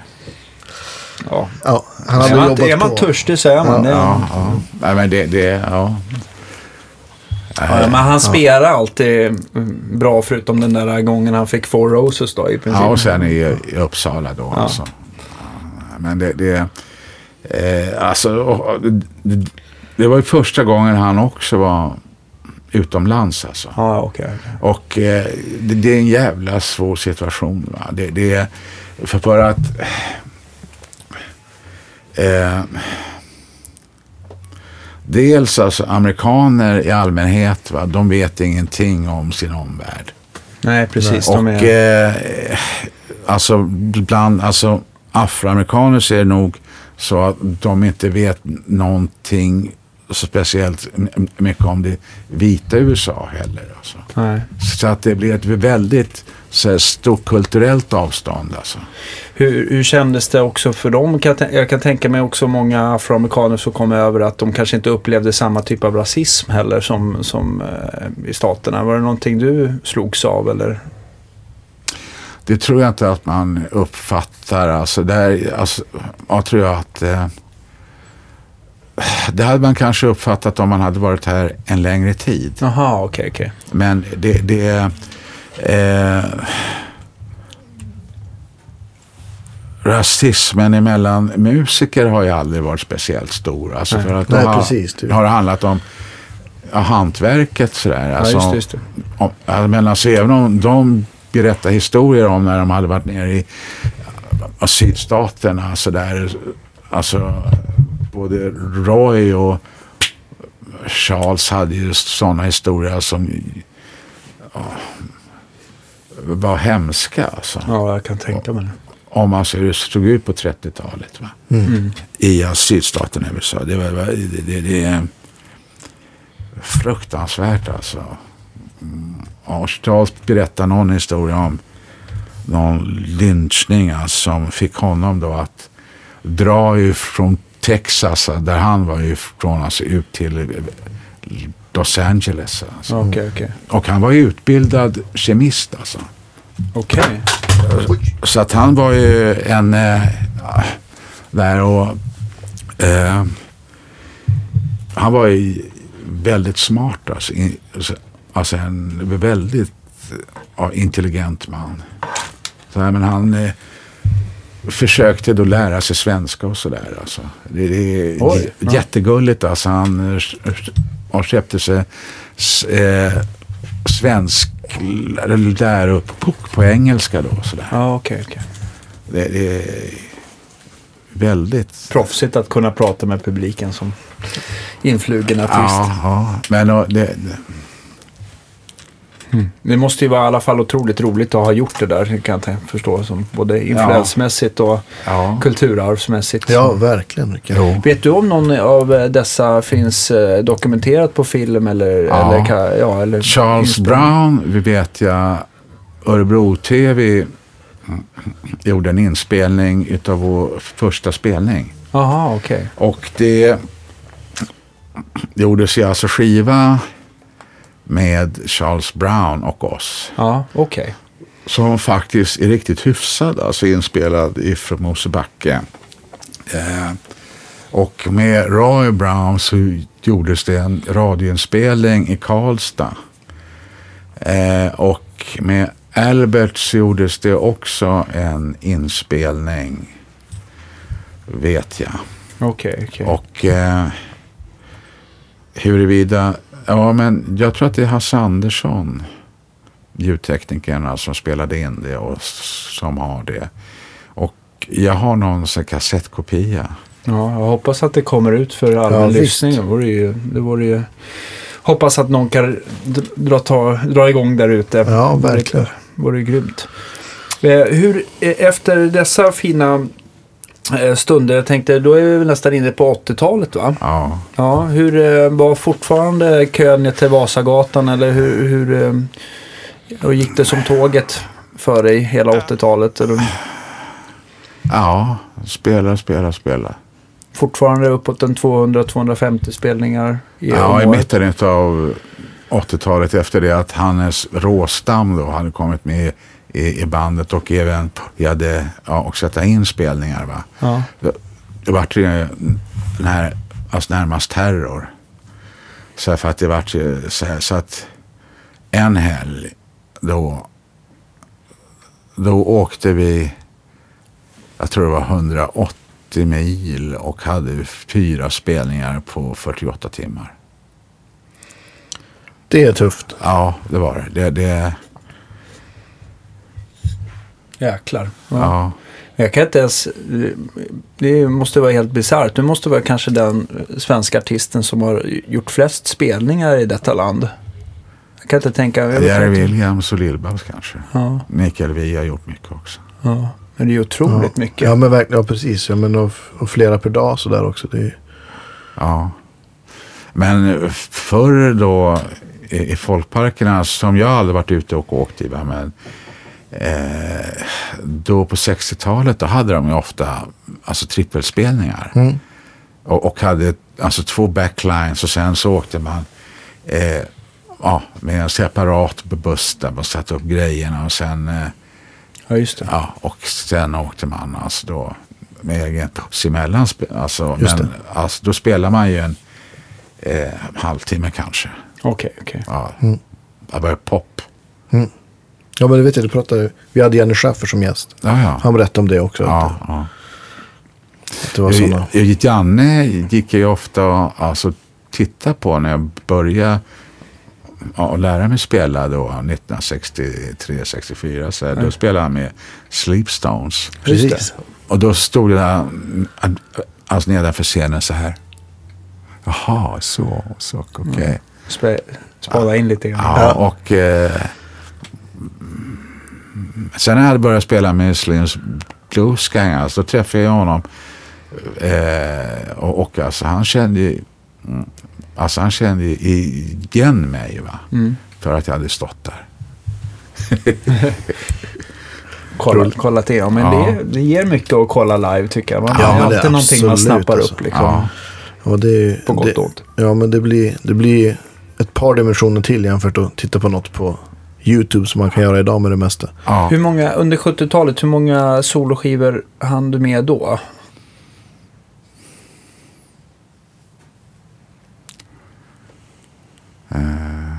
Sex tror jag. Sex stycken, så att Ja. en nästan varannat år då. då. Och sen var Nej, det det var varje år. Alltså, Varje år, eh, ifrån den första släpptes i eh, februari 75. Ja, ja, okej. Mm. Och eh, sen så vart det en varje år. Alltså. Ja, hur länge höll du på med det här ettårsintervallet? Var det in på 80-talet en bit också, eller?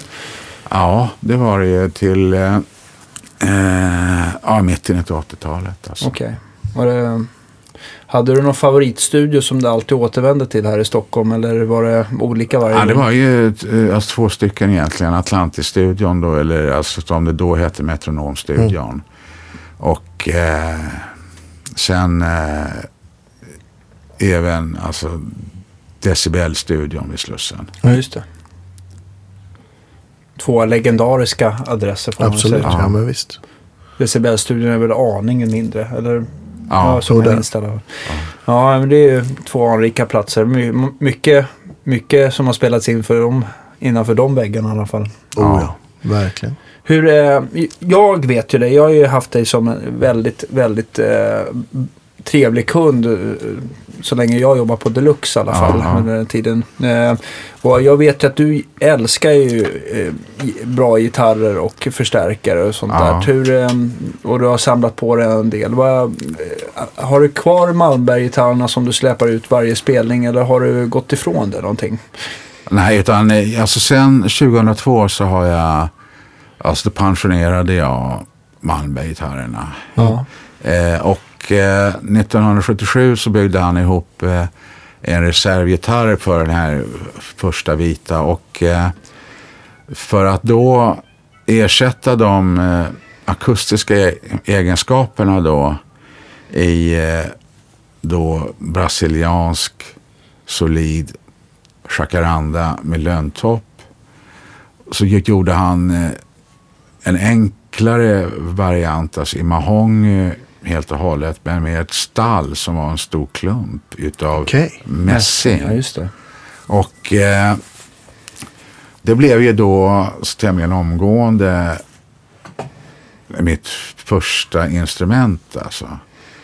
Och med det så gjorde jag säkert en 3-4 tusen spelningar alltså.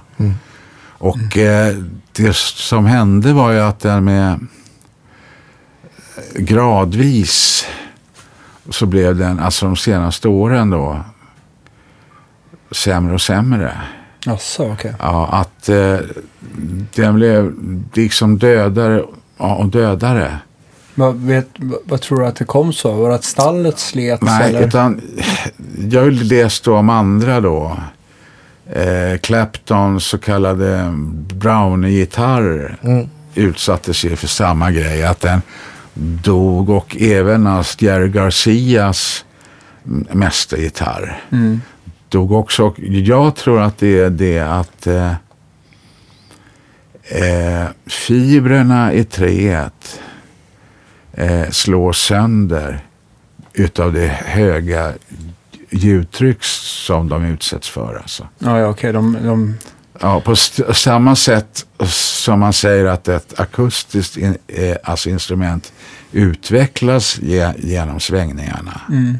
så tror jag att eh, ett instrument som utsätts för höga mm, ljudtryck då eh, alltså kan eh, degenerera.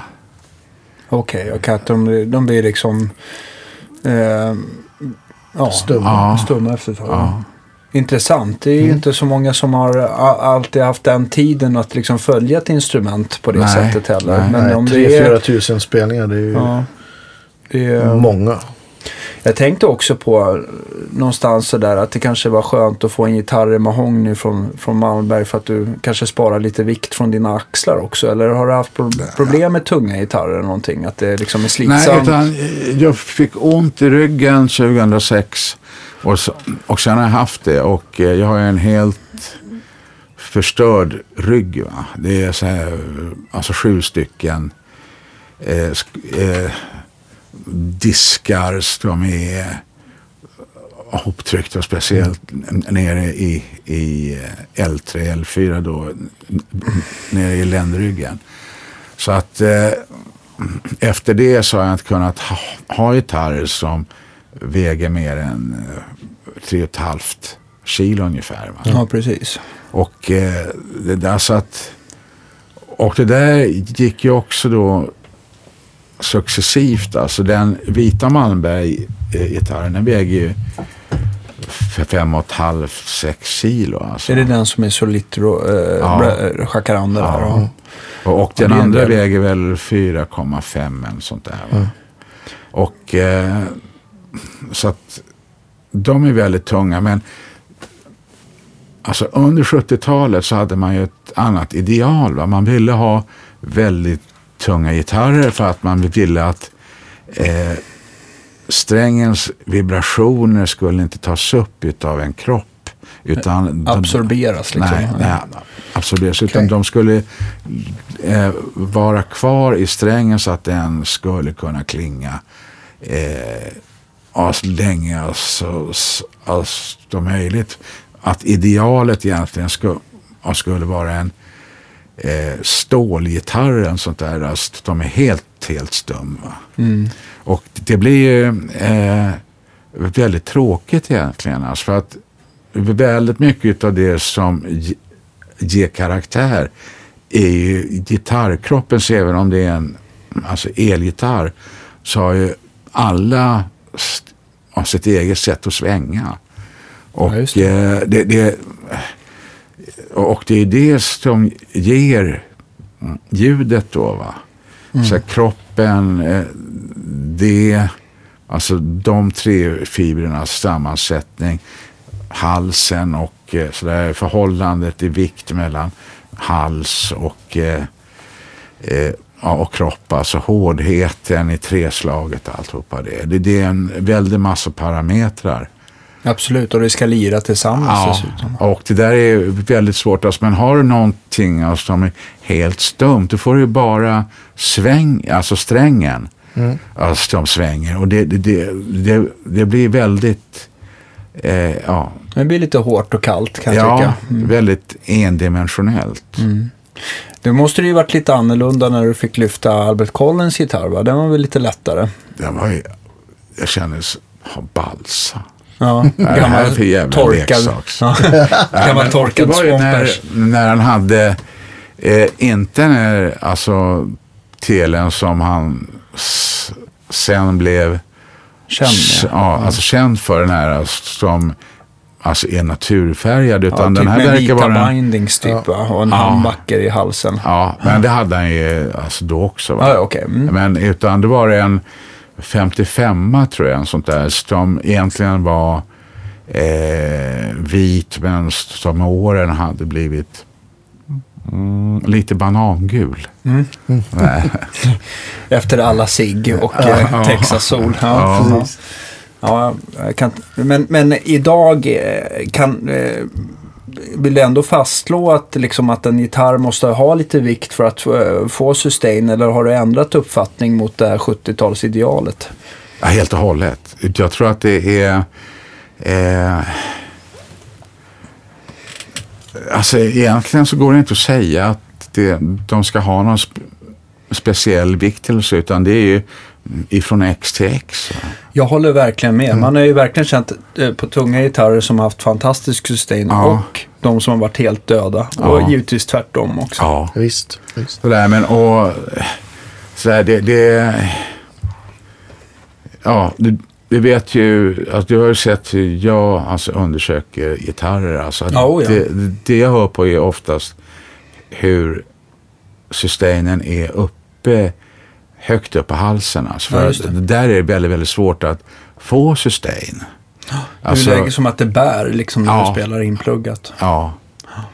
Sådär, men och eh, du kanske minns den här alltså, gröna stratan va? Alltså som jag tog ner så här. Alltså, jag, Vad är det jag, pekar åt det där med den här jättefina mörka greppbrädan? Eh, Och lite, lite tjockare C-profil va? Alltså ja, lite, ja, ja, ja. Jättetjocka. Inte, Sen, eh, inte den lättaste stratan men den låter otroligt Nej, den väger bra. väl alltså. alltså 3,4 någonting sånt. Ja, precis. Mm. Ja. Men eh, det, jag bara upp. Jag var inte ute efter alltså någon gitarr då. Men, nej, men den här måste jag ha. Ja, Den här, alltså, jag kan inte släppa den här. nej. Sherwood Green som är så snyggt också. Ja, men det, alltså fast det där är, är, egentligen, det är klart det är viktigt men det är inte alls avgörande. Va?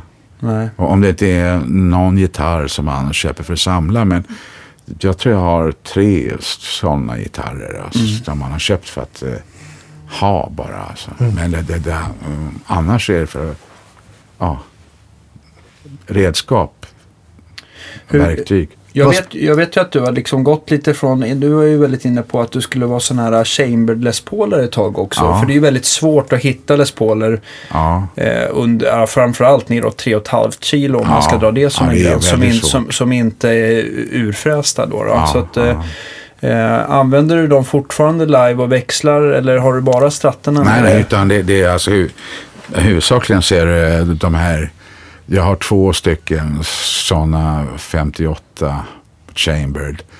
Eh, och det är fantastiska gitarrer alltså. Mm. Och eh, jag vet att Ed King då som spelar väl med Lynyrd Skynyrd tror jag. Mm. Eh, och, och han har haft en hög med sig, riktiga 59 och så. Va? Ja. Eh, alltså han beställde sex stycken sådana gitarrer för att han sa det här är ja, egentligen någonting som är lika bra som de här gamla. Och ja, en fin kvalitet de har att de nästan så här soundmässigt går lite åt att man tar en Les Paul men sen så kryddar man det med 335. De blir liksom Ja. lite varma och st- stora i klangen. Liksom sådär. Och framförallt när man står med dem eller så späd som jag är så tycker jag det är extremt skönt. Alltså. Ja, Tror jag inte ja, jag har testat någon sån där. Nu blir jag Ja, sugen. Ja, men man, man, eh, och sen så ger de, eftersom de är lite halvakustiska, man ser ju inte att de är urfrästa. Nej, nej, men nej. de fräser ju liksom i dem innan de limmar på locket. Då, då, då ger de ju ganska mycket akustisk klang då. Så att det är ju ett instrument som är väldigt eh, tillfredsställande att bara spela på oinpluggat. Jag tycker att eh, just den kvaliteten där, den halvakustiska, det, det märker man inte så hemskt mycket Mm. av. Alltså. Okej. Utan det, det är eh, lite grann alltså. Men utan jag har känslan av att de har i de här 58 då, Chamber, så har de gjort de här urholkarna på ett visst sätt alltså. Mm. Alltså för att eh, nu är alla eh, så som inte är gjorda i, alltså i custom shop, de är ju ur, urfrästa. Ja, precis. De, Ja. Det är ju mer som stora ordentliga akustiska kamrar. Medan jag tänker, du tänker på de här standard Memphis Les Paulen. Den, Ja. De tror jag är lite mer så här, Ja. alltså ostade. Så här, som Ja, att de är ostade, liksom, ja. liksom Ja, mera okej. som, Ja, som hål Ja. nere i mahogny då. Innan man limmar på det. Och jag, eh, jag antar att det är för svårt att hitta en, en mahogny som är, som är Lätt. vettig, vettig Ja. vikt på liksom. Är så. Och Gibson som bygger så otroligt mycket gitarrer också. Nu Ja, ja, vet visst. inte jag nu vet inte jag exakt hur många hundra om dagen det är. Det kanske är hälften mot vad... Jag tror, 2007 så gjorde USA Fender och eh, eh, Mexikofabriken gjorde väl 500-600 gitarrer om dagen var. Mm. Och jag tror att Gibson kanske, skulle låt säga att det ligger runt en eh, 200 eller någonting sånt där. Kanske inte riktigt lika mycket men det är förbaskat mycket gitarrer. Så Ja, det, är, lite gitarr, det blir lite träinköp. Ja, ja. Så att de gjorde alltså 365 000 gitarrer alltså, om året ungefär. Nästan en halv miljon Fender. Det är fantastiskt. Jag fattar inte hur, var de tar vägen allesammans men ja. Nej. En bra Nej. fråga. Nej, men det alltså... Det kanske är Pete Townsend så fortfarande på sömnen. Jävlar vad han får arbeta då. Ja, verkligen. Men jaha, ja. Ja, men det vet jag. Jag vet inte om siffrorna ändrades. Nu är det ju, det är ju nästan tio, eller det är tio år sedan jag var där. Men eh, jag tror inte att de har direkt blivit eh, mindre i alla fall. Nej. Så att, eh, Nej, men det, alltså, det är klart, alltså på 50-talet och så 60-talet, ja, det var ju, man gjorde avsevärt mm, färre gitarrer. Va? mm, absolut. Men, alltså kunskapen var ju inte alls på samma nivå. Jag vet- Utan det var mer slumpartad. Alltså, i, då verkar man ju ha fullständig koll på hur resultatet ska bli. Alltså. Ja, och sen så tror jag vad jag såg mycket där. Det är ju mycket som är liksom CNC-fräst och sådär. Så att Ja. man får exakt samma halsprofiler Precis. som Ja. man önskar och sådär. Så att Ja. det, absolut, det blir ju väldigt noggrannhet där i, idag va. Så att eh, det har du alldeles rätt Alltså, däremot det här med trä, det måste vara allt svårare att hitta trä som eh, man har möjlighet att använda eftersom allt mer blir ju svartlistat. Ja, man oj, ja. får, får inte använda det. Kolla, ja, det ska bli intressant att se vad som händer nu. Jag och Andreas pratade om det lite tidigare idag för vi var lite så här oroliga med att, att eh, nu har de även flyttat eh, över eh, även indisk, ostindisk eh, rosewood och, eh, och Madagaskar rosewood, eller alla Ja, så här så att de ja. är lika, lika mm, eh, Utrotningshot. Ja, ja alltså. nej, men just att det liksom, man får inte handla med det. Va? Så jag Ja, tror att man ja, kommer få ja. se förändringar. För nu tror jag att man måste skicka certifikat, certifikat med på eh, sålda gitarrer och sånt där. Jag, tycker inte, jag tror inte att det kommer vara något problem. Ringer man Svenska jordbruksverket så vet de inte hur det ska bli. Utan jag tror att problemet är att i Asien så köper de in sådana jättestora eh, möbler då i solid eh, eh, rosewood och jacaranda och det har varit ett jätteproblem. Så vad jag förstod det som så skulle det inte vara någonting som, om det är någonting som väger under 10 kilo så var det liksom, så gick det under radarn. Va? Och det gör Okej. ju de flesta gitarrer. Mm, Ja, ja, visst. Så, att, eh, så att jag tror inte att man ska vara dödsorolig. Men det ska bli en spännande utveckling och vi Ja, ska, men vi ska grilla någon eh, påläst Mm, gitarrbyggare här, eh, under våren. Ja, det lär ju de lär ju ha koll på det där. Ja, det måste de ha. Annars så kan de ju hamna i, i trubbel säkert. Så att, eh, vi återkommer Ja. med spänning. Ja, men alltså, fast det innebär ju då att eh, eh, på sikt kommer det bli allt för dyrt och svårt att använda de här traditionella träslagen. Alltså, även om man har alltså, ersatt då eh, vissa med alltså, enklare då, alltså billigare. Brasiliansk, alltså Jacaranda blev ju svartlistat 1970. Och eh, jag har läst om i Tyskland alltså att snuten har alltså, knallat upp på scen och tagit gitarrer. Alltså när de, Oj. alltså un, ja, under pågående spelning alltså. Var det där nyligen eller var det... Ja, det är en tre, fyra år sedan. Ja, precis. Sånt, De gör ju säkert så här punktinsatser. Men, Ja. men eh, det är tur känner jag själv att man gillar lönstater. Precis, de kan man ta safe. med sig dem utan att Ja. sova allt för oroligt. Ja. Men det, det sen då, eh, alltså som ni sa då att eh, alltså Madagaskar eh, eh, alltså var ju enkelt att handla tidigare. Det får man inte göra. Alltså, nu Nej. även Indis som såg som ett så här, slit och släng-träslag alltså, förr då. Det är också då, ja, det är Allt tar slut i denna konsumtionsvärld. Så att Ja. Förr eller senare. Så vi får, vi får verkligen...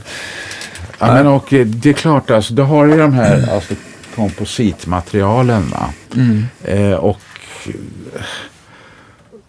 det är säkert som med gamla paffar. Va? Det där har ju en del av hemligheten just eh, svårigheten att få exaktheten i tillverkningen. Ja. Mm.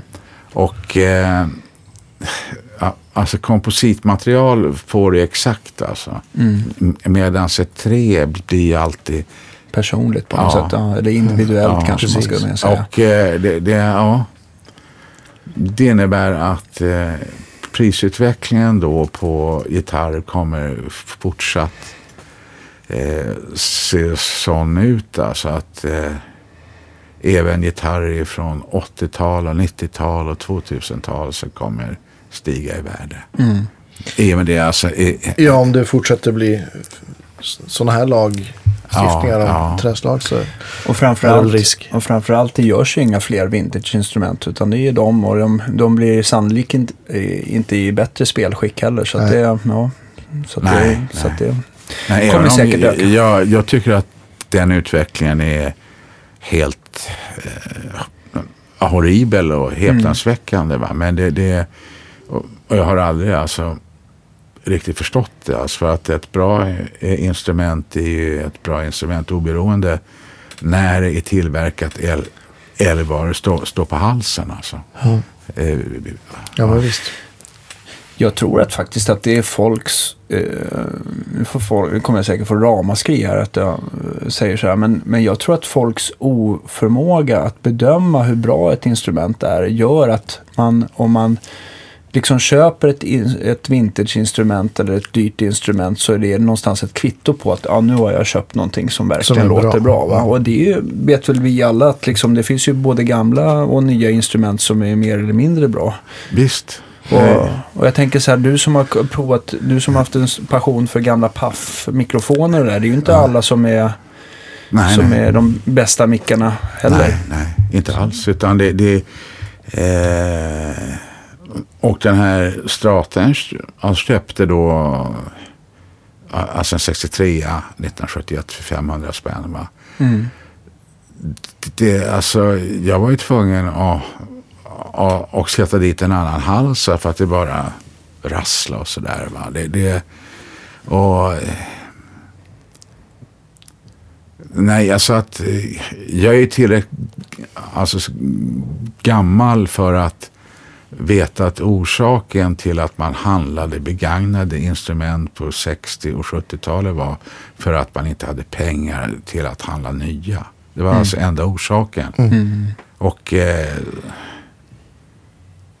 så att jag har lite svårt att förstå den här vintage Hypen liksom. ja, hypen. Det, det, eh, utan eh, istället att hitta ett in, alltså instrument alltså, som funkar. Jag tror att sannolikheten är mycket högre nu än vad den är.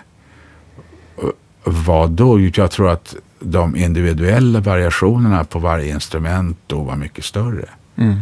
Mm. Idag du kan jag hitta alltså en mm, gitarr för, för 1500 spänn som är häpnadsväckande bra. Absolut. Ja, visst. Jag minns ju bara själv när man började spela. Då var det ju svårt att hitta billiga gitarrer som faktiskt var bra att spela på. Men nu Ja. blir man ju nu blir man ju väldigt positivt överraskad. Ja, Ja, visst. I många fall. Så. Om man tänker paffmickar då, har du, har du, vad tycker du är, vad, har- vad har du testat som du har gillat som, som inte är en paff, man tänker kopior? Har du något? Ja, det där är svårt. Hör. Ja. Jag, jag, alltså, jag, jag, eh, jag tycker att Burst backer kan vara väldigt bra. Mm.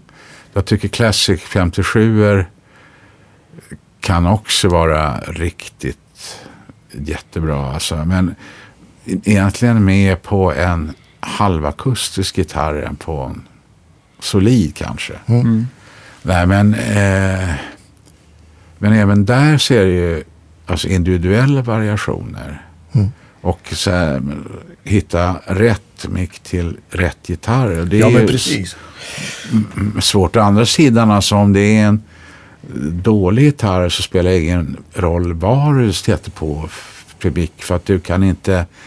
Eh, alltså, instrumentets grundläggande karaktär av ett sånt sätt att det, det, det inte funkar. Va? Nej, verkligen. Nej, men eh, annars tycker jag att Voodoo då, det är en kille som heter Peter Florence. Eh, har gjort då några paffkopior. Alltså, jag har två stycken av dem. Och, eh, eller, eller två set. Och det ena funkar jättebra. Och, och, och det är på en 3.45. Det låter häpnadsväckande jättebra. Den, eh, alltså de andra sitter på en 339. Och det är inte riktigt lika skojigt. Nej. Och eh, A. Malmberg då som har en väldigt stor kunskap om det här. För att han har ju sysslat med det här sedan eh, ja, slutet av 50-talet. Alltså att han har ju sett alltihopa. Va? Eh, han eh, har ju då sparat ett och gamla paffar som han tyckte var utav alla de hundratals han hade hört tyckte han var outstanding. Va? Och Så att eh, jag brukar åka alltså hem till honom så får han ta och höra på dem alltså också. Och Ja, eh, jämföra med ja, sina då Mm. ja, älsklingssex. Va? Men det, det, det finns ju alltså då eh, några grejer, alltså av kännetecken i en sån mick då som jag tycker är och det är anslagskänsligheten. Alltså att de eh, alltså man kan styra ljudet väldigt mycket med anslaget. Och sen att de i anslaget har en klick som är, alltså inte hänger ihop med frekvensen utan med, alltså på en, alltså Hammond B3 är ett slagverks... Det är som en sån här klick. attack. Ja, liksom. ja. Ja, ja. Exakt. Och sen att du, eh, alltså när du töjer en ton, att du kan få den att bli två stycken toner. Alltså. Där, det, det, och det där är... Och Nästan som att den lägger upp lite skimmer eller en oktav upp på något Ja, sätt. Att det ja. liksom, Och att du får mycket så här vowel heter. Wah, wah. mm, att de är lite Ja, vokal, det. kanske Ja. man kan säga. Ja. Där, och allt det där alltså innebär att det lever på ett annat sätt än vad en, eh, alltså de flesta, eller egentligen inga andra mickar gör. Va? Ja, den där kvaliteten får du inte riktigt fram i en P90 eller, eller för, för den delen en Strata-mick, även om de har andra kvaliteter. Va? Ja, ja, ja. Nej, men utan jag... jag sen har du såna här jättetråkiga handbackermickar alltså, som bara låter hårt, in, alltså ja, endimensionellt och hemskt. Mm. Ja, visst. Och, och det, det är såna här överlindade. Där är väldigt mycket mellanregister. Ja, det blir ju det som är kvar liksom. När Ja. man lägger på massa magnetstyrka och spoltråd i slutändan. Så. Jag håller Men- med. Ja, och Malmberg då, eh, han tog då flera olika paffar ut till LM Ericsson. Mm. Som då hade skaffat en spektrometer ifrån FOA. Det här var alltså i början av 80-talet. Mm. Och eh, alltså de mätte upp då magnetstrukturen, alltså i magneterna. Mm. Och sen jämförde med frekvensgången och så. Va? Ja. Och eh, de här Ericsson, alltså ingenjörerna var helt överraskade över hur eh, små alltså skillnader alltså i magnetstrukturen i alltså, mm, alltså Alnico mm, alltså magneterna Ja. gav vä- väldigt stora förändringar i frekvensgången. Alltså sen var inte, alltså magnetstyrkan eh, var inte likadan alltså över magneterna utan den va- mm, alltså varierade för att Okej. eh, alltså eh, man, man hade inte tillräcklig kunskap om att få en jämn utan det, det, det, Ja, det det, här var inte, det ju... var inte samma noggrannhet helt enkelt. Nej, Nej. Nej. Det är imperfektionen som gjorde dem ja, spännande kanske? Eller? ja, och då för att få det här mm, ljudet. Alltså de håller ju på då med så tråden och, eh, och, och sådana saker. Men att jag tror att det är magneten som är förklaringen. Och Ja, just absolut. de här alltså, Jag har hört fler som har pratat om det här också. alltså imperfektionen i Mm. det alltså. Jag, jag tycker, jag har, jag, jag tror att det har, eh, magneten är absolut ett, jag tror att det är viktigaste faktorn. Men sen så Ja. tycker jag att det verkar som att när spolarna är lite omatchade mot Ja, varandra, där ja, brukar det man ju också, vara. det måste det Ja, vara, för vara, då ja. tycker man att de liksom släpper igenom Ja, mer, upp igen. öppnar upp Ja, och släpper ja. igenom lite mer diskant. Ja. Och sen så en tredje faktor som jag tycker eh, kan spela roll, det är att inte eh, mickarna upplevs för vaxade. För att jag tycker Nej, att den där, nej. är de Det för är fel. hårt vaxade, Ja, det då känns det som att det blir stumt och endimensionellt Ja, direkt ja, också. Så, eh, och nu finns det ju rätt många som som eh, i alla fall har tittat på alla de där tre kvaliteterna. Det finns ju Mm. säkert många fler saker som man kan titta på i material och t- tjocklek på kåpor och, Visst. ja, och sådär. Eh, tjocklek på tråden och sånt där. Men, men, eh, men är den hårt vaxat och om spolarna är matchade och om eh, magneten är för stark eller för Ja. jämn eller eh, då brukar det bli tråkigt i princip. Det där med vaxning är ju, alltså, tror jag är väldigt viktigt. Alltså, För det att- ger ju, om bara man klackar på micken så Ja. kan den ge mycket mikrofoni. Va? Ja, Men det ja. påverkar också även om man Absolut. liksom slår an strängen att det blir en, en perkussiv effekt som går genom micken. Kanske ingenting för er high gain killar där som, som eh, gillar att dra på disten för det blir ohanterbart. Ja, I det alla fall om man kommer upp i volym. Mm. Men, Men jag tänker på de här, ja. det var, jag blir så otroligt fascinerad av den här mätningen av magneterna. Jag börjar direkt Ja. tänka borde man inte kunna härma de här magneterna då, om man mäter dem på något vis? Eller, så här, det kanske är för, för konstigt och för dyrt för att någon skulle bry sig om att... Jag tror att man måste göra, sådana. jag tror att man måste tillverka dem på exakt samma sätt eller magnetisera dem på Ja. samma sätt. Jag tror att det är skitsvårt att Lasse, styra. Lasse Bjurell, en god vän och kollega, Ja. också gitarrnörd. Han, Han är ju lite intresserad av, av magneter. ja, det kan man lugnt säga. Han, han har ju varit hos någon och, som har, har ju nörd, nördat på det här med magneter. Janne Kemi ja. Ja, precis. Ja, han är en micktillverkare också. Har du provat hans uh, mickar någonting? Nej, eh, jag träffade honom på en enda gitarrmässa som jag var på alltså, en gång i, i, i Stockholm. Och då så snackade han om den här grejen som Malmberg hade gjort. Jag tog upp det med Malmberg. Va? Men Ma- Malmberg hade ingen minne av att han hade träffat den här Kemi, nej. nej. Alltså, Janne Kemi. Va?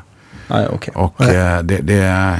Eh, och, och, alltså, men det finns ju en, en micktillverkare i USA som heter eh, bla bla bla ute i Los Angeles. Alltså han har uppmärksammat det här. Tänkte du på, jag tänkte på Throwback finns ju bland annat. Nej, utan Eh. det här är, vad fan heter Ed, Eh, Ron Ellis kan nu ja, kanske. jo, Ja. det är han. Mm. Ja. Han är också Ron Ellis, otroligt ja. duktig. En av de bästa paffeklonerna jag har hört på. Alltså har du hört dem Ja, jag har hört i, i dem. verkligheten? Jag Ja. ledde i dem till, eh, till Pelle Hives där som jag tror han har kvar dem på någon gitarr. Och det var, här, det var chockerande bra tycker jag. Okej. Det säger du? Ja.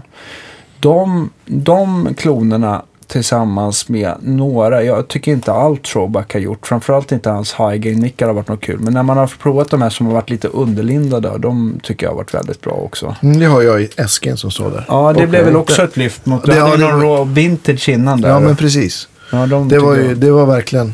Ja, Jag köpte- precis det du snackade om med klucket och... Alltså en Ja, throwback eh, mi- mix som heter... Är Peter Green va? Ja, Ja. och jag tyckte...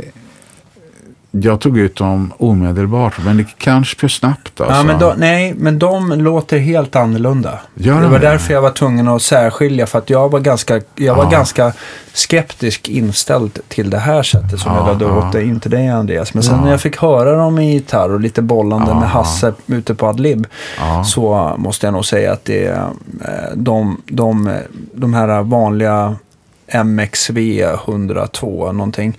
DT 102, de låter helt fantastiskt tycker jag i alla fall. Okej. Så det, ja, om du har någon gitarr Okej. över som saknar ett par, par paffkloner så, så rekommenderar jag dem varmt. Ja, jag har ju alltså även då, då på de här gitarrerna som jag använder mycket, då förutom då så, mm, mm, gamla paffar så är det även eh, patent number och tidiga eh, T-tops som det heter. Just det. Precis. Och, eh, det, det, eh, de har ju väldigt, väldigt mycket av de här paff-kvaliteterna även om de saknar mm, en del av det här alltså perkussiva och eh, den här alltså två eh, tonigheterna som uppstår ibland och när man så töjer då. Va? Men eh, i övrigt tycker jag att de funkar. Alltså det här mm, ultimata. Va? Men eh, om det finns någon, alltså några som man kan sätta in som är som då gamla, alltså så gamla paffar så vill jag, för att där har ju eh, fördelen med single coil mickarna, alltså klarheten och eh, anslagskänsligheten och alltihopa det parad med handpacker mickens eh, styrka och storlek alltså. Ja. Nej men det, det och, eh, ja, Jag, jag, tycker också så här, en, en så här klassisk grej som när man märker när man provar dåliga humbuckers. Det är oftast att man tycker att när man går över och spelar på bassträngarna så försvinner eh, st- större delen av diskanten. Det blir så himla liksom mörkt och Exakt. så här, som att solen går i moln verkligen. Ja. Liksom. Och det, det är den kvaliteten man vill få bort liksom. Det tycker jag att ni ska... Så var ju de, de förra mickarna jag hade på Ja, den. det just var den nog vintage och Ja, de exakt. måste jag ändå säga att det är absolut inte det Nej, de, sämsta där jag ute. var jättenöjd med dem och hade testat en massa an- andra Ja, mickar innan. Liksom, Cheptons och, ja, nu kommer jag inte ihåg. Det var nog typ tredje, fjärde sättet jag hade Ja. där. Men, Jag menar, när du har den här eh, riktigt eh, bra humbucker att spela på långt ner på E och A-strängarna. Alltså det blir en slags celloliknande karaktär och Mm. där har alltså alla övertoner och sådär. Alltså. Mm, Mm. Även om du spelar högt, alltså uppskruvat på förstärkaren. Alltså. Det är nästan så att man liksom, en, en riktigt bra humbucker eller puff, eh, om man får säga så, det ska nästan bete sig som, eller intrycket blir nästan mer som att det låter som en stor single coil. Ja, Ja, precis. Och eh, jag har idén där, alltså, eller så teorin att det de försökte efterlikna det var egentligen alltså P90-mickarna. Mm. Som eh, vars enda nackdel egentligen är att de för ett jävla oväsen. Ja, de brummar jätte, Ja. jättemycket. Ja, visst. Nej men alltså annars är de ju jättebra mickar. Ja. Men jag tycker ändå att en eh, riktigt bra eh, puff eller då alltså humbucker är det är det bästa. Alltså, det har mer, mer diskant än en eh, strata eller tele och eh, så här. Det, det, jag vet inte om mm, ni har upplevt det också, alltså, men att jag tycker att även en strata-mick får mindre bett upp i diskanten än vad en, eh, en humbucker har. Alltså. Mm. Alltså om det spelar starkt. Absolut. Sen så, sen så är det ju... Eh, jag kan också tycka för egen del att det kan vara svårt att jämföra dem eftersom de har så mycket olika utsignaler också. Man, jag tänker så här, för jag själv påverkas av att handbacken ibland har mycket mer driv och sånt där. Och eh, ungefär lite som att det är en mastring på en skiva. Ja, när man trycker på mastringen och kompressionen går upp så tycker man fasiken vad bra det här blev. Va? Så att jag tycker att man ska vara liksom väldigt noggrann och försöka göra det så rättvist som möjligt. Men jag tror att det ligger mycket sanning i, i, eh, i det där. Att man, eh, och så, så är det en annan grej som jag tycker med, med bra handbackers äh, backers, att de, liksom, de arbetar med dig på ett annat sätt. De liksom så här, de, de sjunger på ett annat sätt och det blir jävligt roligt att spela. Ja, det blir ja, lite mer så här ja. att du får kämpa med en uh, Stratamic tycker jag. Men eh, ja, Mm. det är kanske hur jag spelar, jag vet inte. Ja, men det, alltså, jag upplever samma sak. Alltså, så här, men, eh, och eh, jag har ju träffat då Ludde ute hos Lutman som har hand om, alltså, om eh, deras eh, eh, gitarr Gibson och så. Vi har haft många sådana här jämförande pickup-tester då sådär. Mm. Och det, det är slående hur stora, vilken skillnad det är alltså. Mm. ur eh, just det här livfullheten. Eh, och, och alltså, det är väldigt skojigt att höra honom spela för att man hör di- direkt på hur han spelar hur mycket han alltså, trivs med micken. Va? Just det. Mm.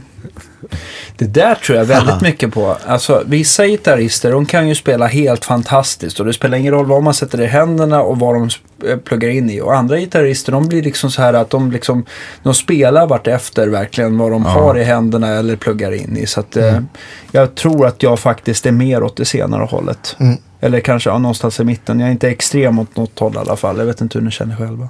Ja, man ändrar ju spelstilen väldigt mycket efter de förutsättningar man har. Är det därför du gärna tar med dig kanske en, något Les Paul och en Stratta live? Ja. För att eh, liksom, ja, du går lite på magkänsla och feeling sådär, eller vad låten Jag brukar behöver? alltid undersöka det innan va? och jag har egentligen inte bestämt mig för vad jag ska spela på. Alltså förrän jag har varit där och gjort soundcheck. Jaha, Ja. Nej, och känna in rummet. Då. Ja, sådär hur det svarar just den kvällen, alltså i, i den omgivningen. Alltså.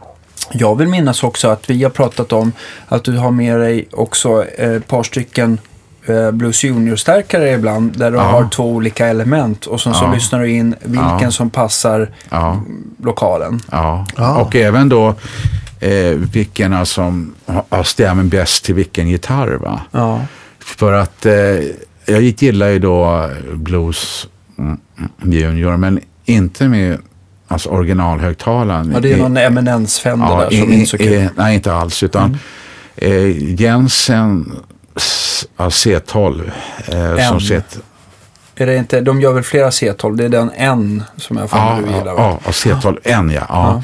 Och eh, det är alltid jättebra till han backemickar. Mm, Den är ju ganska bright också. Så att den, den, Ja, eh, ja, den är lite urholkad alltså med bas och diskant. Ja, Eh, sen har jag även då Greenback en och sen Cannabis Rex en. Just det. ja. Och alltså, Cannabis Rex det funkar ju jättebra till Strata. Ja, just det. För den är lite rundare uppåt Ja? Ja. lite alltså snällare sådär. Men, och, eh, men vid vissa ställen så vill man bara spela på den här, alltså Greenback till exempel. Eller bara Cannabis Rex och sådär. Va? Så att det, det, ja, det är bara, ja, vad var alltså omständigheterna?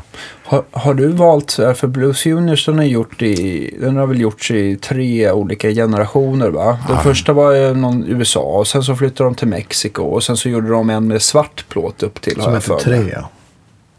Ja, jag har aldrig hört det. Så här. Det, det, det har jag inte ens kollat in vad det är för Ah, okej. någonting. Utan, eh, det, det, det vet jag inte. Utan, eh, Och jag kan säga att elementen gör mycket större skillnad än de olika Ja. moddningar, moddningarna Ja. emellan i alla fall. ja.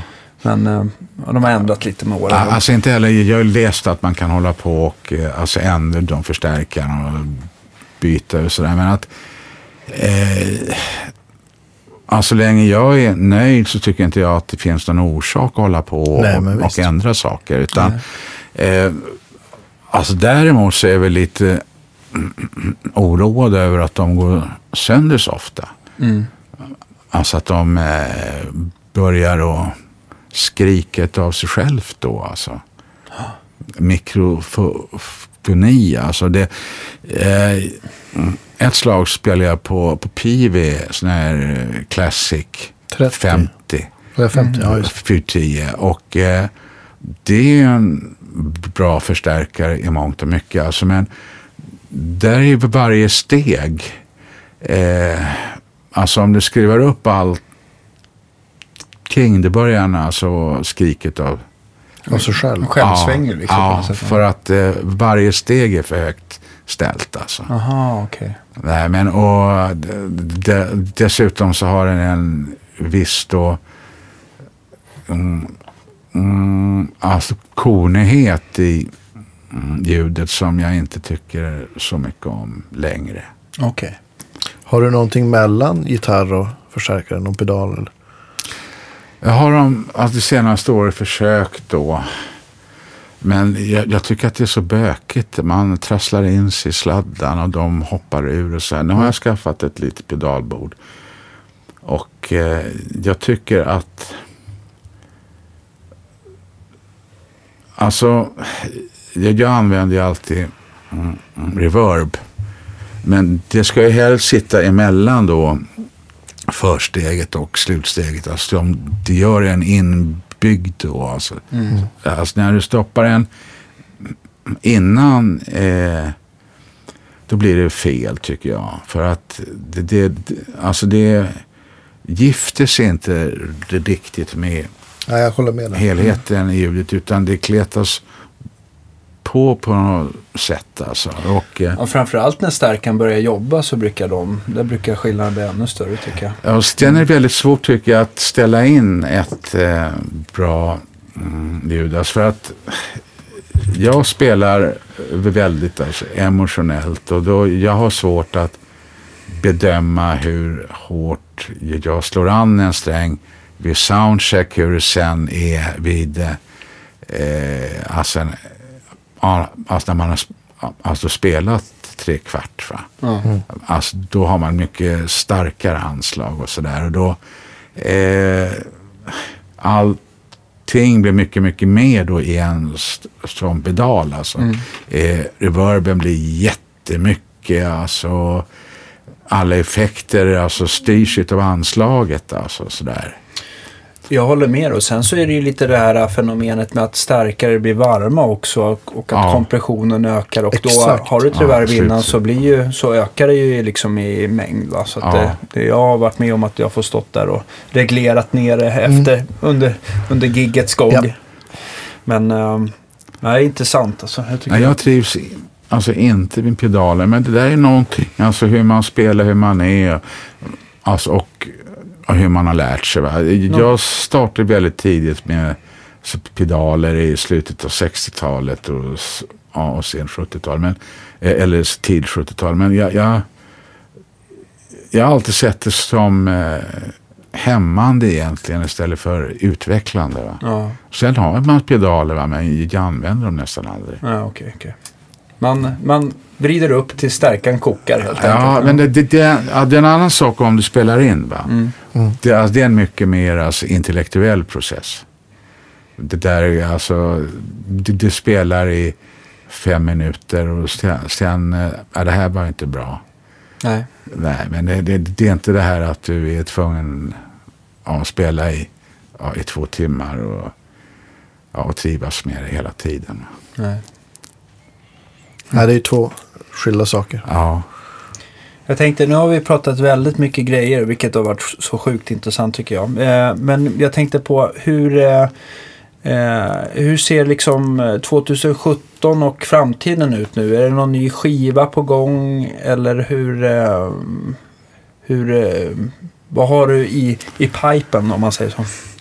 Ja, jag träffade för några dagar sedan ett skivbolag och de vill att jag ska spela in. Va? Men eh, eh, jag hoppas att jag gör det jag har alltså, som målsättning. Men å andra sidan så eh,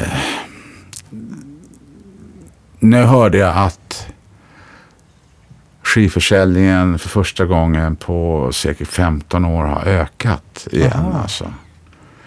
Och eh, det är ju trevligt. Mm. För att jag tycker det här med streamad musik i all ära. Va? Det, det, men det, det, det är lite leksak över det. Alltså. Dels alltså, det låter sämre. Och så kom inte och säg något annat än att det, det låter sämre.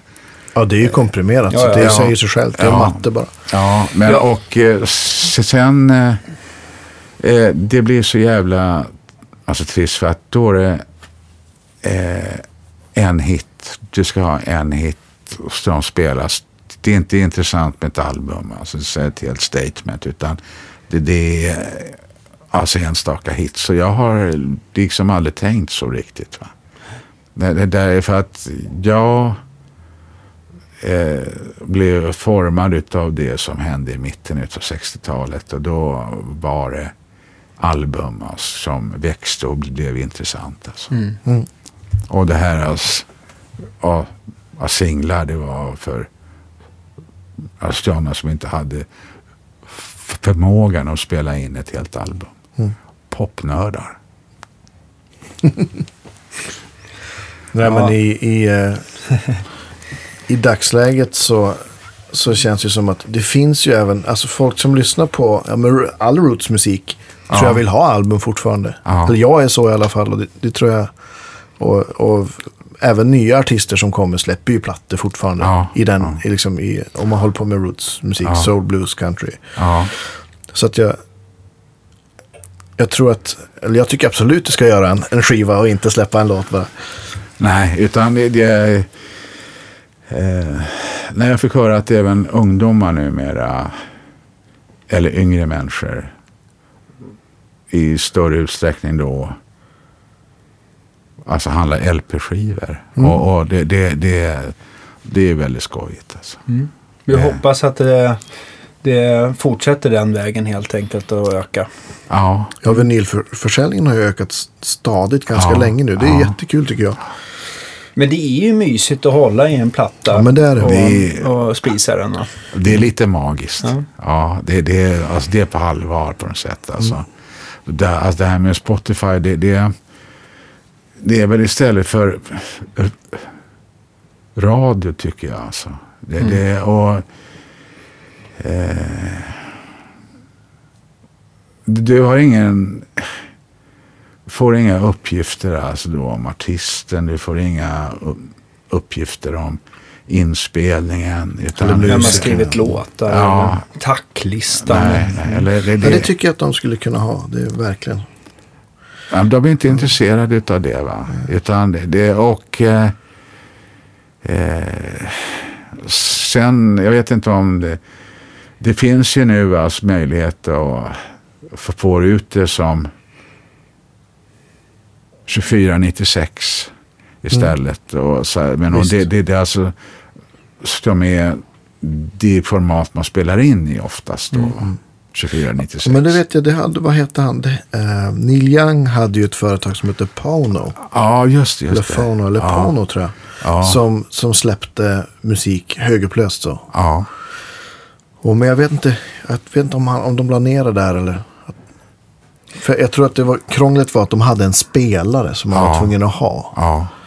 Eh, men sen, sen har jag sett också, eh, ja men till exempel Tom Pettys senaste skiva såg jag på någon sån här Blu-ray. Och då var det så här, ja men så här high definition. Ja. Som också, det var ju 24, 96. 96. Ja. Också, så att, så att det finns ju säkert i, i audionördkretsar så finns det ju säkert folk som, som bryr sig. ja. Så, men, men, Men det är en väldigt liten ska, skara människor. Mm. Dessvärre. Ja, jag tänkte det- CD-formatet är väl 1644,1. va? Ja, Det är exakt. lite ja. ganska mycket lägre. där. 16 bitar, det, det, det, är, det är inte mycket att höra för idag. Alltså, men det var ju... Nej. Mm, Jag minns min svåger för detta. Han skaffade CD väldigt tidigt. Han gillade klassisk musik. Ja. Och det var 12 bitar. Och eh, det, det lät ju förfärligt trumpeter alltså. Nej, det är väldigt konstigt alltså. Men det var knasterfritt. Ja. ja, man, har man knasternoja då, då får- fick man äta upp det där. Men jag tänkte bara säga, jag tycker jag måste kolla om vi ska eh, runda av. Om vi inte har glömt någonting sådär som ni kommer på. Nej. Ja. Där, spelar du någonting här i Stockholm? Så, Jo, det gör jag.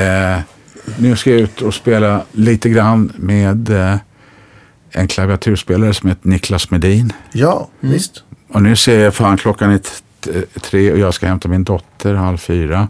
Ja, just det. I öst, ja, så att det...